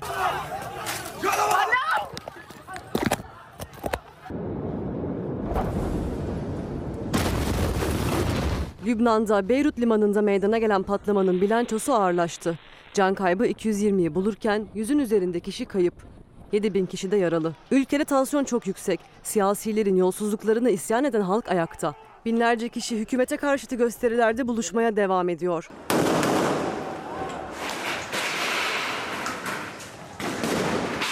Başkent Beyrut'ta Şehitler Meydanı'nda düzenlenen gösteride sorumluların cezalandırılması istendi. Temsili dar ağaçları hazırlandı. Ya istifa ya idam yazılı pankartlar taşındı. Dar ağaçlarına hedefteki siyasilerin yanı sıra Hizbullah lideri Nasrallah'ın fotoğrafı da asıldı. Protestolar kısa sürede çatışmaya dönüştü. Polis parlamento binasına yürümek isteyenlere müdahale etti. Olaylar büyüdü. Parlamento binasına ulaşan göstericiler binaya bozuk para fırlattı. Aralarında emekli subayların olduğu bir grup Dışişleri Bakanlığı'na girdi. Burayı devrimin karargahı ilan etti. Bazı göstericiler ise Ekonomi, Çevre ve Enerji Bakanlıklarını işgal etti. Evraklar camlardan atıldı, binalar ateşe verildi. Çatışmalar başkente yayılırken ordu devreye girdi. Göstericilere çok sert müdahale etti. Gece saatleriyle birlikte tansiyon biraz düştü. İşgal edilen bakanlıklar boşaltıldı. Olaylarda bir polis öldü, 200'den fazla gösterici yaralandı. Başbakan Hasan Diab tansiyonu düşürmek için erken seçim sinyali verdi. Diab'ın açıklamasının ardından hükümetten peş peşe istifalar geldi. Ekonomi, Çevre ve Enformasyon Bakanları istifa etti. Çevre Bakanı ile istifa kararından vazgeçmesi için görüşüldüğü öne sürüldü. İki istifa da parlamentodan gelirken patlama sonrası istifa eden vekil sayısı 6'ya yükseldi. Şimdi ise kameralarımızı yurt içinde bir cennet köşeye çevireceğiz. Datça'ya sevgili izleyenler. Datça'da bu yıl 10.sü düzenlenen Uluslararası Knidos Kültür Sanat Akademisi Knidos'un Sırrı Sanat Festivali'nde tema kadına şiddetti ve Canan Güllü orada ödül aldı. Buradayım çünkü kadını sindirme, kadını yok sayma ve kadını kamusal alandan silme politikasına karşı sesini yükselten insan hakları savunucuları var. Bugün burada olmayı ve bu ödülü alabilmeyi bu ülkenin kadın hareketine, insan hakları mücadelesine yaşamları yapanlara ve buna inanan Cumhuriyet'in kurucu lideri Mustafa Kemal Atatürk'e borçluyum. Bu mücadele benden sonra da devam edecek. Haklarımızdan geri adım atmayacak ve bizler batıla teslim olmayacağız. Bu ödülün benim için bir başka anlamı daha var. Türkiye Kadın Dernekleri olarak son senelerde mülteci ve göçmen kadınlarla beraber çalışıyoruz. Onlarla dayanışmanın yollarını arıyoruz. Mülteci haklarının siyasi pazarlık malzemesi yapılması bir yana, Akdeniz'in dört yanında ezilenlerin göçünün suç ilan edilişine tanıklık ediyoruz. Akdeniz egemenlerin, tahakküm edenlerin, silahları, hapishaneleri, paraları olanların, evinden ve yurdundan göçmüş, bir gelecek uğruna yola düşmüş göçmenlere yönelik nefretine sahne oluyor. Ben bu kavgada yaşamdan yanayım. Burada bir aktivist olarak bulunuyorum. Yaptıklarımla direnmeye ve özgürlüğe, adalete dayanışmaya dayalı bir kültürün büyütülmesine katkı sağlamaya çabalıyorum. Her türlü haksızlığa karşı duran kadınlar için oradaydı. Türkiye Kadın Dernekleri Federasyonu Başkanı Canan Güllü ödülünü tüm kadınlar için aldı. Uluslararası Kinidos Kültür Sanat Akademisi Kinidos'un Sırrı Sanat Festivali'nde bu yıl tema olarak bir insanlık suçu kadına yönelik şiddeti ele aldı. Her yıl düzenlenen ödül töreninin bu yıl 10.sü gerçekleştirildi. Ödüle layık görülen isimlerden biri de Kadın Dernekleri Federasyonu Başkanı Canan Güllü'ydü. Kadın cinayetlerinin sıradanlaştığı, kadınların eşitlik talebinin kriminalize edildiği ve kadın olmanın neredeyse ayıplanır hale geldiği günümüz Türkiye'sinde şahsıma verilen bu ödül Türkiye'deki kadın hareketinin ve hak mücadelesinin bir kazanımıdır. Bir de çevre haberiyle devam edelim. Kuraklık diyelim sevgili izleyenler. Her sene yaz aylarında bir miktar kuraklıktan tabii ki bahsediyoruz mevsimin normali olarak. Ancak Türkiye'de bazı noktalar var ki artık kuraklık çölleşmeye dönmeye başladı. Özellikle bazı kritik noktalar var hem bilim insanlarının hem de bizim de takip ettiğimiz. Onlardan bir tanesi de İstanbul'da Büyükçekmece Gölü'nde. Ee, Gökyüzünden çekilen görüntülerde Büyükçekmece Gölü'ndeki kuruluk oranı, e, kuruma oranı maalesef korkuttu.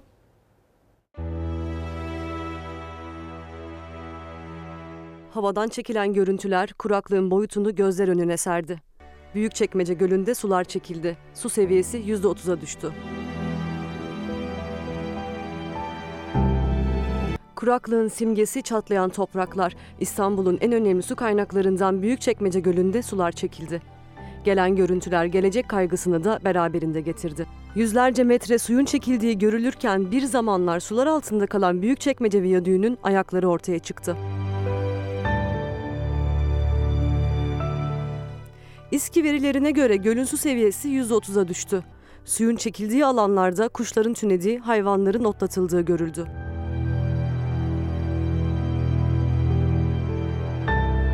Araştırmalar 2030 yılında yağışların ortalaması çok düşmese de sıcaklıkların artarak buharlaşmaya neden olacağını işaret ediyor.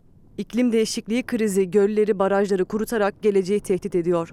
Zamanında gölün doluluk oranına şahit bir vatandaş Büyükçekmece Gölü'nde suyun çekilmesini böyle yorumluyor. Sululuk oranı e, çok yüksekti. Bu son bir kuvvetli yağmur ve o kuvvetli yağmurda e, hortum oluştu. Hortumdan sonra su çekildi. Şimdi de aşağı yukarı 200 metre falan su çekilmiş vaziyette. Bu durumu da takip etmeye devam edeceğiz. Hemen e, aktarmamız gereken bir diğer durum var ki bir başsağlığı dileği var sevgili izleyenler. Emre Gönlüşen hayatını kaybetti. Kendisi meslektaşımızdı. Spor severlerin NTV Spor ekranlarından tanıdığı ünlü bir spor spikeriydi. Pek çok farklı kanalda e, spor haberlerini aktardı, maçları anlattı. Emre Gönlüşen hayatını kaybetti. Kanserle mücadele ediyordu bir süredir. 42 yaşındaydı, babaydı e, ve kendisinin kaybı bizi derinden üzdü. Sevenlerine, izleyenlerine, e, tüm ailesine başsağlığı dileklerimizi iletelim. Yoğun bir gündemimiz var ama bunu da açıkçası atlamak istemeyiz sevgili izleyenler. Şimdi kısa bir araya gidiyoruz. Sonra son bir sözümüz olacak söyleyecek. 10 Ağustos pazartesi sabahında sizlerle birlikte Türkiye'den ve dünyadan gündemi değerlendirdik. Sizlere aktardık tüm gelişmeleri ve güncellemeleri. Aynı zamanda Deva Partisi Genel Başkanı e, yayın konuğumuzdu Sayın Ali Babacan. Ekonomiyle ilgili, siyasetle ilgili sorularımıza cevap verdi. Gündeme yön verecek açıklamalarda bulundu. Bizler yarın sabah saatler 8'i gösterdiğinde yine tüm hazırlıklarımızla, ekibimizle birlikte karşınızda olacağız, burada olacağız. Siz de ekranın diğer tarafında orada olursanız seviniriz. O zamana kadar hoşçakalın.